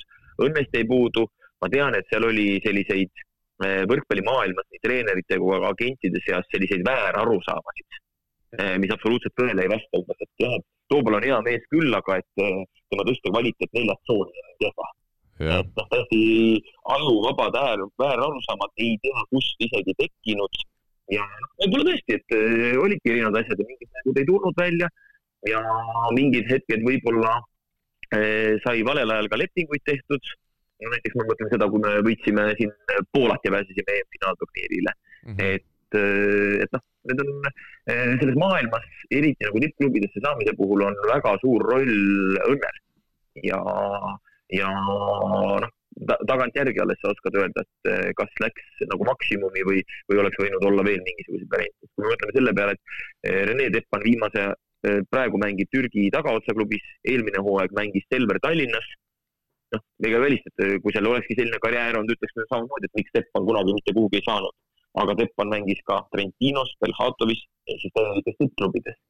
et eh, midagi pole teha, selles maailmas on vaja õnne, on vaja otsuseid ja on ka õigel hetkel silma jääda kellelegi jah, aga kuna meil aeg sunnib takka, siis eh, võtame siit eh, ette nädalavahetuse teise mängu ja ütleme senise võrkpallihooaja, kuidas seda siis sõnastada, no äh, üks erilisemaid mänge oli kindlasti Pärnu kolm-null võit kodus Tallinna Selveri üle. Selveril oli siis puudu uus sidemängija Karel Ellermaa, oli puudu põhimeestest temporündaja Mark Saru ja oli puudu põhimeestest ka nurgaründaja Oliver Orav. ja no noored mehed siis, Sander Pärna, Kristo Õun, üks kaheksateistaastane, teine seitsmeteistaastane, pidid seda mänguvankrit sidemängijana vedama ja no selgelt jäi puudu ja siin ei saagi noortele meestele midagi vist äh, ette heita, vaid pigem seda üldseisu ikkagi tõdeda, kui, kui keeruline sellesama toopalli teema jätkuks on ikkagi vähegi korralikul tasemel sidemängijaid täna Eestis äh, leida. Äh, jah, on, et selge allajäämine, teistpidi Pärnu mängis hästi. Pärnu mängis tõesti on, hästi, esimest korda ma sel hooajal tahaks just, ka kiita Pärnu võrkpalliklubi Pärn,. Pärnu usunud ja kui nüüd äh, tõesti tuuakse veel üks nurgaründaja juurde, siis äh, seda enam äh, saab olema väga tõsine konkurent nii mulle kui kõigile teistele, see Pärnu meeskond. ehk siis juba enne selle Bogdan Mašenko liitumist oli, oli see mängupilt paranenud. Ja no kõik me teame, et needsamad vigastused, väga pooliku koosseisuga treenimine, sealt ongi raske arengut oodata. Ja kevadeks ma usun küll, et Pärnul on neid käike ja nüüd on juba näha juurde panna külje veel, aga teistpidi sellest ühest mängust Selveri kohta mina järeldusi ei teeks. see on selline šokkolukord, et ma nüüd tean, et peangi minema noortesidedega peale, kõik on harjunud Renet Vankeriga ja tuleb anda Andres Toobalile ja kogu meeskonnale aega. tuleb anda aega, et uue olukorraga harjuda, kui liitub ka veel Karel Ellermaa ja on treeningutel ja mehed ka sellega harjuvad, küll siis Selver ka mängima hakkab. et äh, isegi tabeliseisu osas ei ole see midagi veel kindlat, et Selveril, kui hooaja alguses oli näha, et nagu meie, TalTech ja Selver tõmbame ülejäänud seltskonnale eest ära, siis nüüd Selveri vahe nii leedukate Karlstad ja Amberi kui ka Pärnu võrkpalliklubiga ei ole enam üldse mitte suur. aga teistpidi Pärnul on, Selveril on ära mängitud teises ringis kõikide Eesti meeskondadega mm.. ehk siis pidada on jäänud neli mängu lätlastega ja mis on võõrsil ja üks mäng kodus leedukatega. et kui nad seal saavad oma mängumootori tööle, siis noh, sellegipoolest nad võivad saada play-off'iks päris korraliku asetuse. Ja ma usun küll, et see oli lihtsalt selline hetkel üks šokiolukord. Andres Toobal ka intervjuus ise tõi välja, et ta ei saa heita midagi ette oma sidemängijatele, vaid ründajatele, kes tõesti võtsid rumalaid otsuseid mingitel hetkedel vastu. aga noh, kui on Orav puudu ja kui, kui Losnikov nagu ei suuda põhimõtteliselt mitte ühtegi punkti tuua, et seal ka mehed, kes on terve hooaeg kindlalt mänginud, olid sel päeval hädas. ja tõesti, eh, Vanker läinud, Ellermaa puudu, Orav puudu, Aru puudu, noh, igati haavatud, haavatud oli see meeskond, kes platsile läks ja sellepärast ka üsna loogiline lõpptulemus. ühele asjale ma nüüd, Alar, vaidlen vastu, siin tuleb jälle see sinu treeneri äh,, kuidas öelda, taktika välja, mida sa ka enne karikafinaali kenasti harrastasid, olgugi et noh, siis oli ka natuke arusaadav see põhjus äh,. Pärnu mängis hästi, aga öelda nüüd seda, et kui nad saavad ühe nurgaründaja juurde, kes ilmselt ikkagi tuleb äh, taas kuskilt Ukrainast või ida poolt ja, ja ilmselt ei, no ta ei saa olla mingi esmaklassiline mängija, siis äh, noh Pärnu võrkpalliklubi ikkagi Tartu Bigbankiga, kui Tartu Bigbankil on enam-vähem kõik mehed koos, ei tohiks küll mitte mingil juhul mängida nagu võrdne võrdsega. ei tohiks, aga nüüd ma jõuangi selleni, et eh, kes tõstis palli ette viimases mängus Selveriga? Mees, kelle kohta, mees, kelle kohta hooaja alguses, kui ma teda esimest korda nägin, vaatasin, et ta ajas ülevalt söötagi. aga kui ta on nüüd trenni teinud kuid, siis me oleme jõudnud sellisesse olukorda, kus ma ütlen, et ta tegi väga korralikku mängu. ja üllatas kõige rohkem selles mängus minu arust veel just, järgmine mees, kes avanes, aga mitte nüüd, vaid juba karikamängude ajal meie vastu, hoopis teistsugune, kui ta oli hooaja alguses, oli Boris Žukov. milline võim on mehel rünnakul? Ja servijoone taga, kui sealt välja tuleb ehk siis ka see mees on vormi viidud. oota, aga Žukovi kohal ma, või Žuhov on vist õige öelda, ma olen siin äh, natukene kahe vahel, aga äh, kui sul on ühesest plokist vaja enamus kordi mööda mängida ja see ühene plokk on Sander Pärna, siis sealt peabki iga, iga vähegi endast lugupidav võrkpallur need asjad võimsalt maha lööma. no nii ta on, aga teistpidi, noh, ka Ronald Järv saab mõni treening plokki ette. Mart Juhkami ehk juhtub igasugu asju võrkpallis. ma tõlgin ära, kuna siin Aga... korraks meil ei olnud kuulda, Ronald Järv sai Martti Juhkami plokiga kätte, jah? just nii, eile treeningul, aga noh, kui võtame numbriliselt, kolmeteist pallist üheksa maha, lisaks kolm plokki, üks äss nulli vea juures. et eh, supermäng ikkagi ja üks supermäng ja see üks vastane. juba meie vastu hoopis keerulisem pidurdada seda meest kui hooaja alguses. ehk, eh, ehk see ongi see, mis välismaalastest jätkates nagu Svans on tuntud headuses ja nüüd ongi see, et uusi mehi võttes tõesti, sa ei tea täpselt nende kvaliteeti, aga mida pikemalt sa neid siin hoiad ja mida rohkem nad äh, sellesse meeskonda, sellesse rütmi ja sellesse kõike sisse elavad, ega see ühe mängu põhjal sellest Maženkost ka ju ei saanud veel mingit pilti ette. aga noh, näha oli, et füüsiliselt on võimas mees ja pigem on võimalus füüsiliselt võimsale mehele õpetada süsteemid ja mängu mõte selgeks ja siis on ka temast väga palju kasu. et jah, loomulikult ma ei hakka nüüd ütlema, et Pärnu selliste vangerduste järel on Eestis favoriit number üks. selge on see, et mina ei taha Pärnule kaotada mm.. ei taha ma kaotada eh, järgmisel nädalavahetusel telemängus. ei taha ma Pärnule kaotada, kui me peaksime kuskil play-off ides kokku minema. aga selge on ka see, et kui vahepeal äh, võib-olla siin meedia või avalikkus tahtis Pärnut hakata maha kandma, siis äh, kindlasti oli see ennatlik, sest nüüd on juba päris konkurentsivõimelise pundiga tegemist aga äh, Alar, ma annan sulle täpselt minuti, et rääkida ka eestlastest välismaal, sest seekord me tõesti lihtsalt ei saa sellest mitte rääkida. Robert Täht siis on ikkagi Belhatovis kraas kanda kinnitamas, tõsi nüüd Belhatovil euromängus CEF-kapis oli vist üldse kuus meest võtta, ülejäänud mehed olid haigusega eemal. Ja Burgose vastu sõditi kõvasti, võeti kolm-kaks võit lõpuks, aga mis kõige tähtsam, see võit ikkagi võeti, ehk siis ollakse edasipääsu kursil ja Robertilt kaheksateist punkti. jah, igati tore, et mängida sai. Ja noh, võib-olla isegi mitte ainult Eestis, välismaal Äh, Saksamaal, kui nüüd tõele vastab, on põhiturniir tänase päevaga lõppenud. mänge lihtsalt ei saa pidada. ja mõeldes selle peale, et küll päris natuke rohkem kui kuus meest oli olemas, kuus olid koroonas ehk haiged. kas kaheksa või üheksakesi sõideti sinna mängule ja mängiti mis iganes positsioonidel. noh, teine positiivne uudis välismaalt on meil see, et äh, Märt Tammer on tagasi rivis Täpselt. ja esimeses mängus ka väga resultatiivne, efektiivne ehk siis igati positiivne, et mida rohkem meie enda mehi platsiaega saab, ütleme siis kogu hooaja jooksul, seda paremas toonuses ja paremas foonis me saame alustada kevadel koondise tegemistega. Hmm.. küll nüüd, kuna Antonitsevitš oli puudu, mehi oli vähe, siis Robert Tähe mängimine ei tähenda seda, et ta on põhikoosseisu mees kohe. põhikoosseisu meheks saab teda lugeda siis, kui teda pannakse algkoosseislusplatsile Poola teiste tugevate meeskondade vastu. Ja üks hea asi on siis Renet Vanker veel Maassei, kes ikkagi sai oma esimese algkoosseisu mänguga kätte jah, ja oli ju ka natuke lihtsam, üks tuttav mees ees. varem ütlesin, et mina küll, et Vennet mängib ennast põhisidemängijaks seal ja ma loodan, et see igati nii ka läheb ja see tähendab seda, et järjest rohkem on meil mehi, kes on äh, platsil, kes on tegusid tegemas ja sama, mis me rääkisime naiste puhul, on ka meeste puhul oluline. aga no vaadates, mis toimub, ei välista, et asi läheb hullemaks ma ütlesin ka meestele eh, pärast seda, kui me olime kuldisi vastu kätte saanud, et nüüd jaanuari number üks eesmärk on eh, see, et meil õnnestuks mängud ära mängida.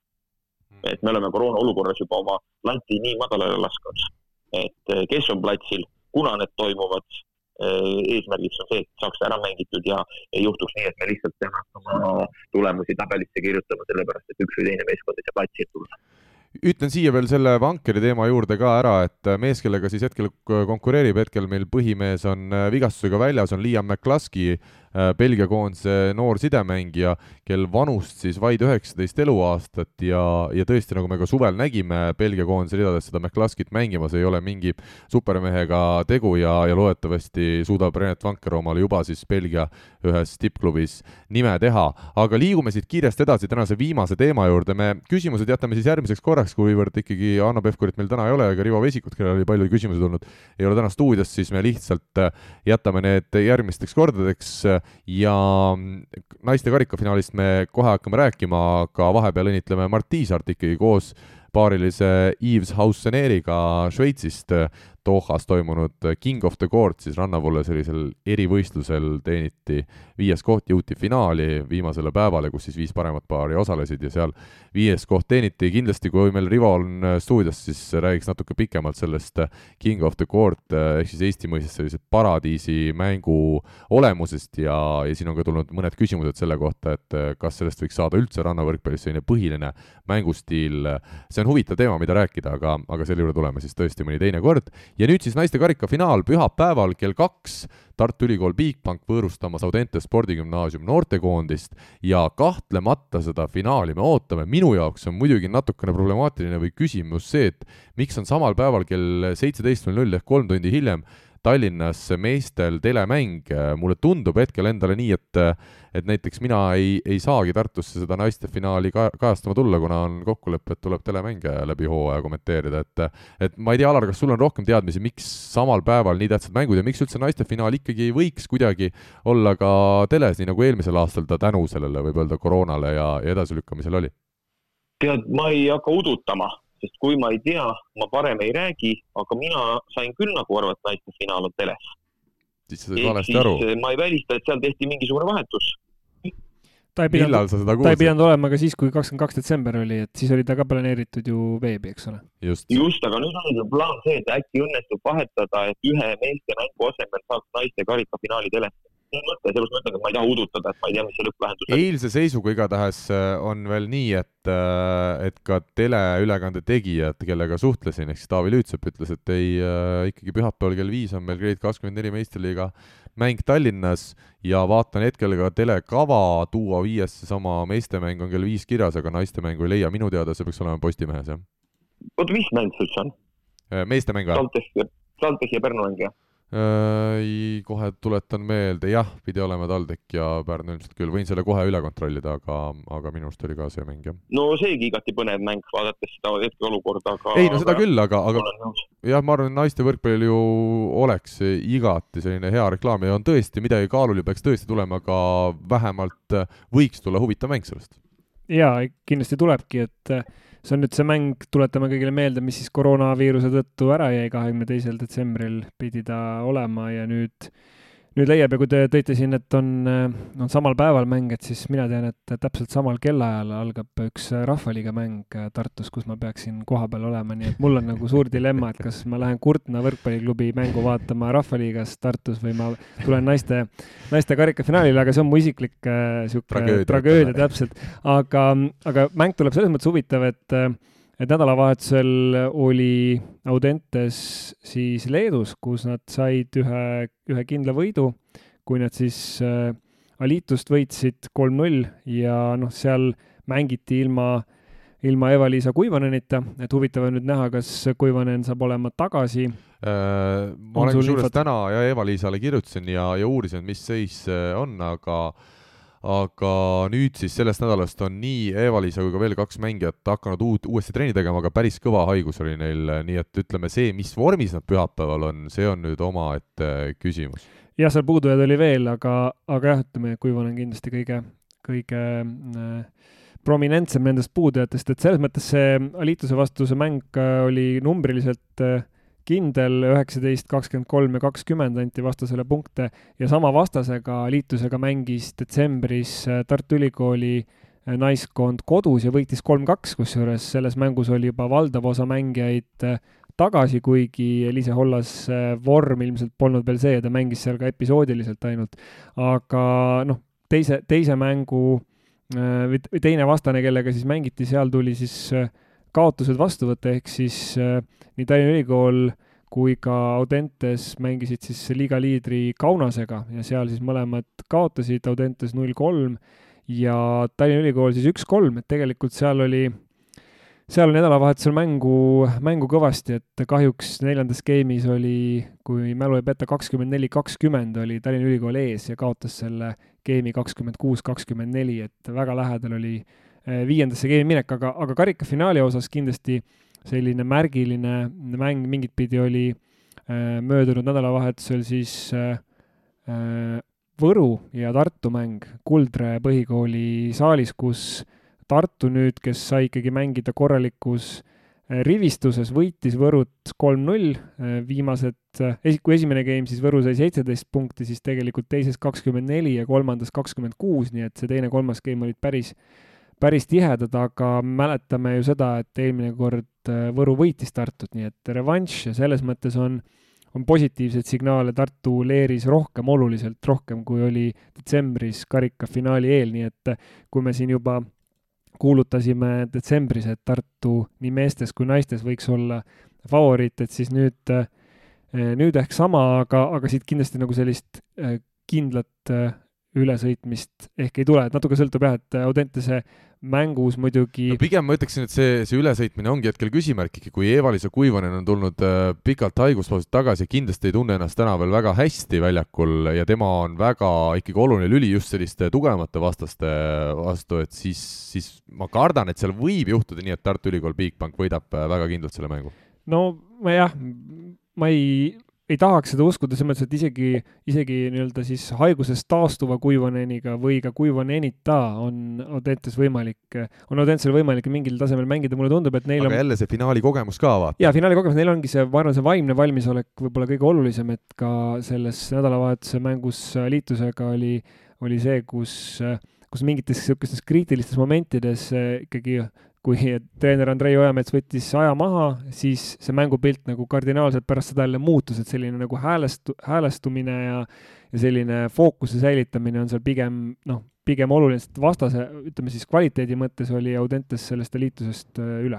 ja ma rääkisin siin kogemusest küll, finaali kogemusest, teisalt kui me vaatame nüüd sedapidi, et kes eelmisel aastal finaalis mängis, Audentes ju sai oma selle äh, finaali kogemuse sealt kätte väga palju või mitmed ka tänased äh, naiskonna põhitegijad, kui TalTechi, TalTech Tradehouse'iga eelmise aasta finaali mängiti, mis siis tõsi küll, kindlalt kaotati. Alar, sinu hinnang nüüd, olles seal Tartu klubi asjadega ilmselt paremini kursis kui meie siin, millised seisud on ja millised on ootused? Eks neid vigastusi on siin ka Tartu võistkonda resimas. oota, oota, oota, Alar, ma väga vabandan, sa pead korra ja. natukene tulema torudest jälle välja ja, ja hingama, hingama korra sisse-välja, vaatame, kas nüüd toimib paremini. korraks oli heli natuke kehvem. nii, et tahtsin öelda seda, et need haigused ja vigastused on räsimas nii Tartut kui noortekoondist. et selge on see, et, et oli probleeme ka siis, kui mäng oleks pidanud esialgsel kuupäeval, kahekümne teisel detsembril toimuma. usun, et seis on natuke parem ja nii nagu ikka, eks finaaliks Hendrik Rikand putitab võistkonna nii heasse seisu, kui see vähegi on võimalik. ja ma ise küll loodan, et äh, ühele karikavõidule Tartu ehk siis Tartu Ülikool Bigbank naiskonna näol saab ka teise sel, sel aastal juurde. nii et sa oled Eesti noortekoondise naiskonna vastu, Alar? Ei, ma olen ka Andrei Ojametsa poolt, aga oma klub, koduklubi vastu ma ei saaks kuidagi olla, nii et sellepärast ma loodan, et ütleme niimoodi, et loodan, et noored põruvad. Ja sellest suhtes ka huvitav ikkagi duell, et Andrei Ojamets ju just Tartu Ülikool Bigbanki peatreener oli ja siin ütleme, väga edukad aastad uuesti aitas Tartu naiskonna jalule ja Hendrik Rikand oli siis tema kõrval abitreeneri rollis, nüüd on need treenerid esimeses suures finaalis omavahel vastamisi ja saab siis näha, äh, kuidas seal minema hakkab. kas tahad, äh, soovid sina, Mihkel või, või Alar seal Tartumaal midagi või kedagi veel mängijatest välja ka tuua finaali eel näiteks Tartu poole? no ma arvan, et äh, Tartus ei ole võib-olla seotud ühe või teise inimesega, et kuidas see mäng nagu toimima saab ja kuidas ta jooksma hakkab selge on see, et ebastabiilsem on äh, noortekoondis. Äh, samas võimu on neil päris palju. eriti kui me võtamegi veel ka nagu Kuivaneni potentsiaalselt platsile juurde, siis noh, reaalsus on see, et ta on võimeline nii nagu me nägime näiteks poolfinaalis ju seda viiendat geimi äh, Rae Viastoni vastu äh,. põhimõtteliselt üksi see terve selle platsi puhtaks taguma. et -hmm. sellist asja Tartul ei ole, et Tartu pigem on ühtsem võistkond, kus erinevad lülid üksteist peaks toetama ja noortekoolis rohkem siis võib sõltuda sellest, kui hea päev ühel või kahel staarmängijal on. Jah, ma olen täiesti nõus sellega, et, et kui Audentesel on üks kindel liider, siis äh, võib-olla Tartu ühtpidi tugevus, teisalt nõrkus ongi see, et neil ei, ei ole sellist väga kindlat äh, ründemängijat, kellele otsa vaadata, kes igal juhul punkti ära toob no selles mõttes Ingrid Kiis kindlasti on selline, kelle peale vaadatakse, jah. kelle peale vaadatakse või kelle peale neid tõsteid ilmselt hakkab kõige rohkem minema. et küsimus on jah selles natukene, et, et see koosseis on Tartul olnud sellel aastal või sellel hooajal siis selline noh, vahelduv ja, ja nagu mõne, mõneti eh, hüplik, et eh, noh, erinevad põhjused siin eh, on olnud ja sellest on juba, juba ka pikalt räägitud, kes tööl, kes haige ja ja kes vigastatud ja nii edasi, aga noh, ma arvan, et tema, tema mängust võiks nagu päris palju sõltuda. teine kindlasti on Eliise Hollas, et kas ta on, kas ta on sada protsenti olemas, sest et noh, ütleme, teised, teised mängijad noh, on jah, me võime siin ühekaupa muidugi kõik võtta, aga ma, kui, kui valida, siis ma valiksin need kaks, kelle, kelle heast esitusest võib, võib sõltuda päris palju, sest nemad on võimelised sellist või noh, kõige suurema tõenäosusega võimelised sellist liidri rolli kandma ja sidemängijatena siis noor Häli Vahula Audentese poolel ja kogenud Ants Tarkov teisel pool võrku, sedagi duelli, alati sidemängijate duelli on huvitav vaadata, et kumb peale jääb. aga ma arvan, et me hakkame vaikselt oma saadet kokku võtma Äh, ja millised need kokkuvõtvad sõnad võiksid olla, kas Alar, sina oled pühapäeval saalis, nii nagu Viis kopikat? Äh, mis päeval? pühapäeval. Äh, jaa, kindlasti, aga see saal on Jurmala saal, kus Bigbank Tartu mängib RTU-ga. nii et sul on ikkagi prioriteedid jällegi paigast ära, et oma naiskonnale, oma kalli klubi naiskonnale karikafinaalis sa kaasa ei ela isegi siis, kui nad tulevad sinu koduõuele mängima täpselt nii, oleks võinud ju saata Oliver Lüütsepa nädalavahetuseks Lätti, aga aga läheme ikkagi täie koosseisuga ja, ja võitude järele. Selge, meil on saate lõpus vaja teha veel ka selline iganädalane fotosaate juurde, kas sa, Alar, tuled korra veel läbi siit Tallinnast täna või sa, või sa enam tulema ei hakka? oi, ma ei ole üldse nii suur Tallinna fänn, et äh, käisin Tallinnas laupäeval, kui oli TalTechiga mäng, käisin Tallinnas esmaspäeval, kui oli kohtumine uue Eesti meeste rahvuskoondise peatreeneri Fabio Sooliga ja ma loodan, et ma nüüd päris mitu nädalat Tallinnasse ei pea rohkem tulema. sa ei ole Kodutänava stuudios lihtsalt käinud, siin on äh, väga ma... mõnus ja siin on väga, väga Tartu-keskne see ja, seltskond. ma oleks pidanud, siin on praegu viiskümmend protsenti Tartut äh, siin, siin stuudios, aga ma oleks pidanud selle pildi seal TalTechiga mängul ära tegema, et siis oleks ja. olnud kaks ühes, et. meil on kõik olemas. me olime kõik seal olemas jah, nii et aga mis teha, mis teha, planeerimise küsimus igatahes, Alar, suur aitäh sulle infot jagamast täna meestekoondise osas, ma arvan, et see oli kuulajatele väga mõnus kaks tundi ja väga informeeriv kaks tundi ja Mihkel, tänud ka sulle, ma usun, et infot sai siitki poolt. Äh, kas sa mõtled, et mina sain infot või? jaa, sain mõtlen, et ka sinult õnnestus meil võib-olla kasulikku infot teada saada. aitäh veel kord ja head kuulajad, ilmselt oleme eetris juba nädala pärast, nii et olge ikka võrkpallilainel. Eesti kõige põnevamad podcastid on Delfis, kuula tasku.delfi.ee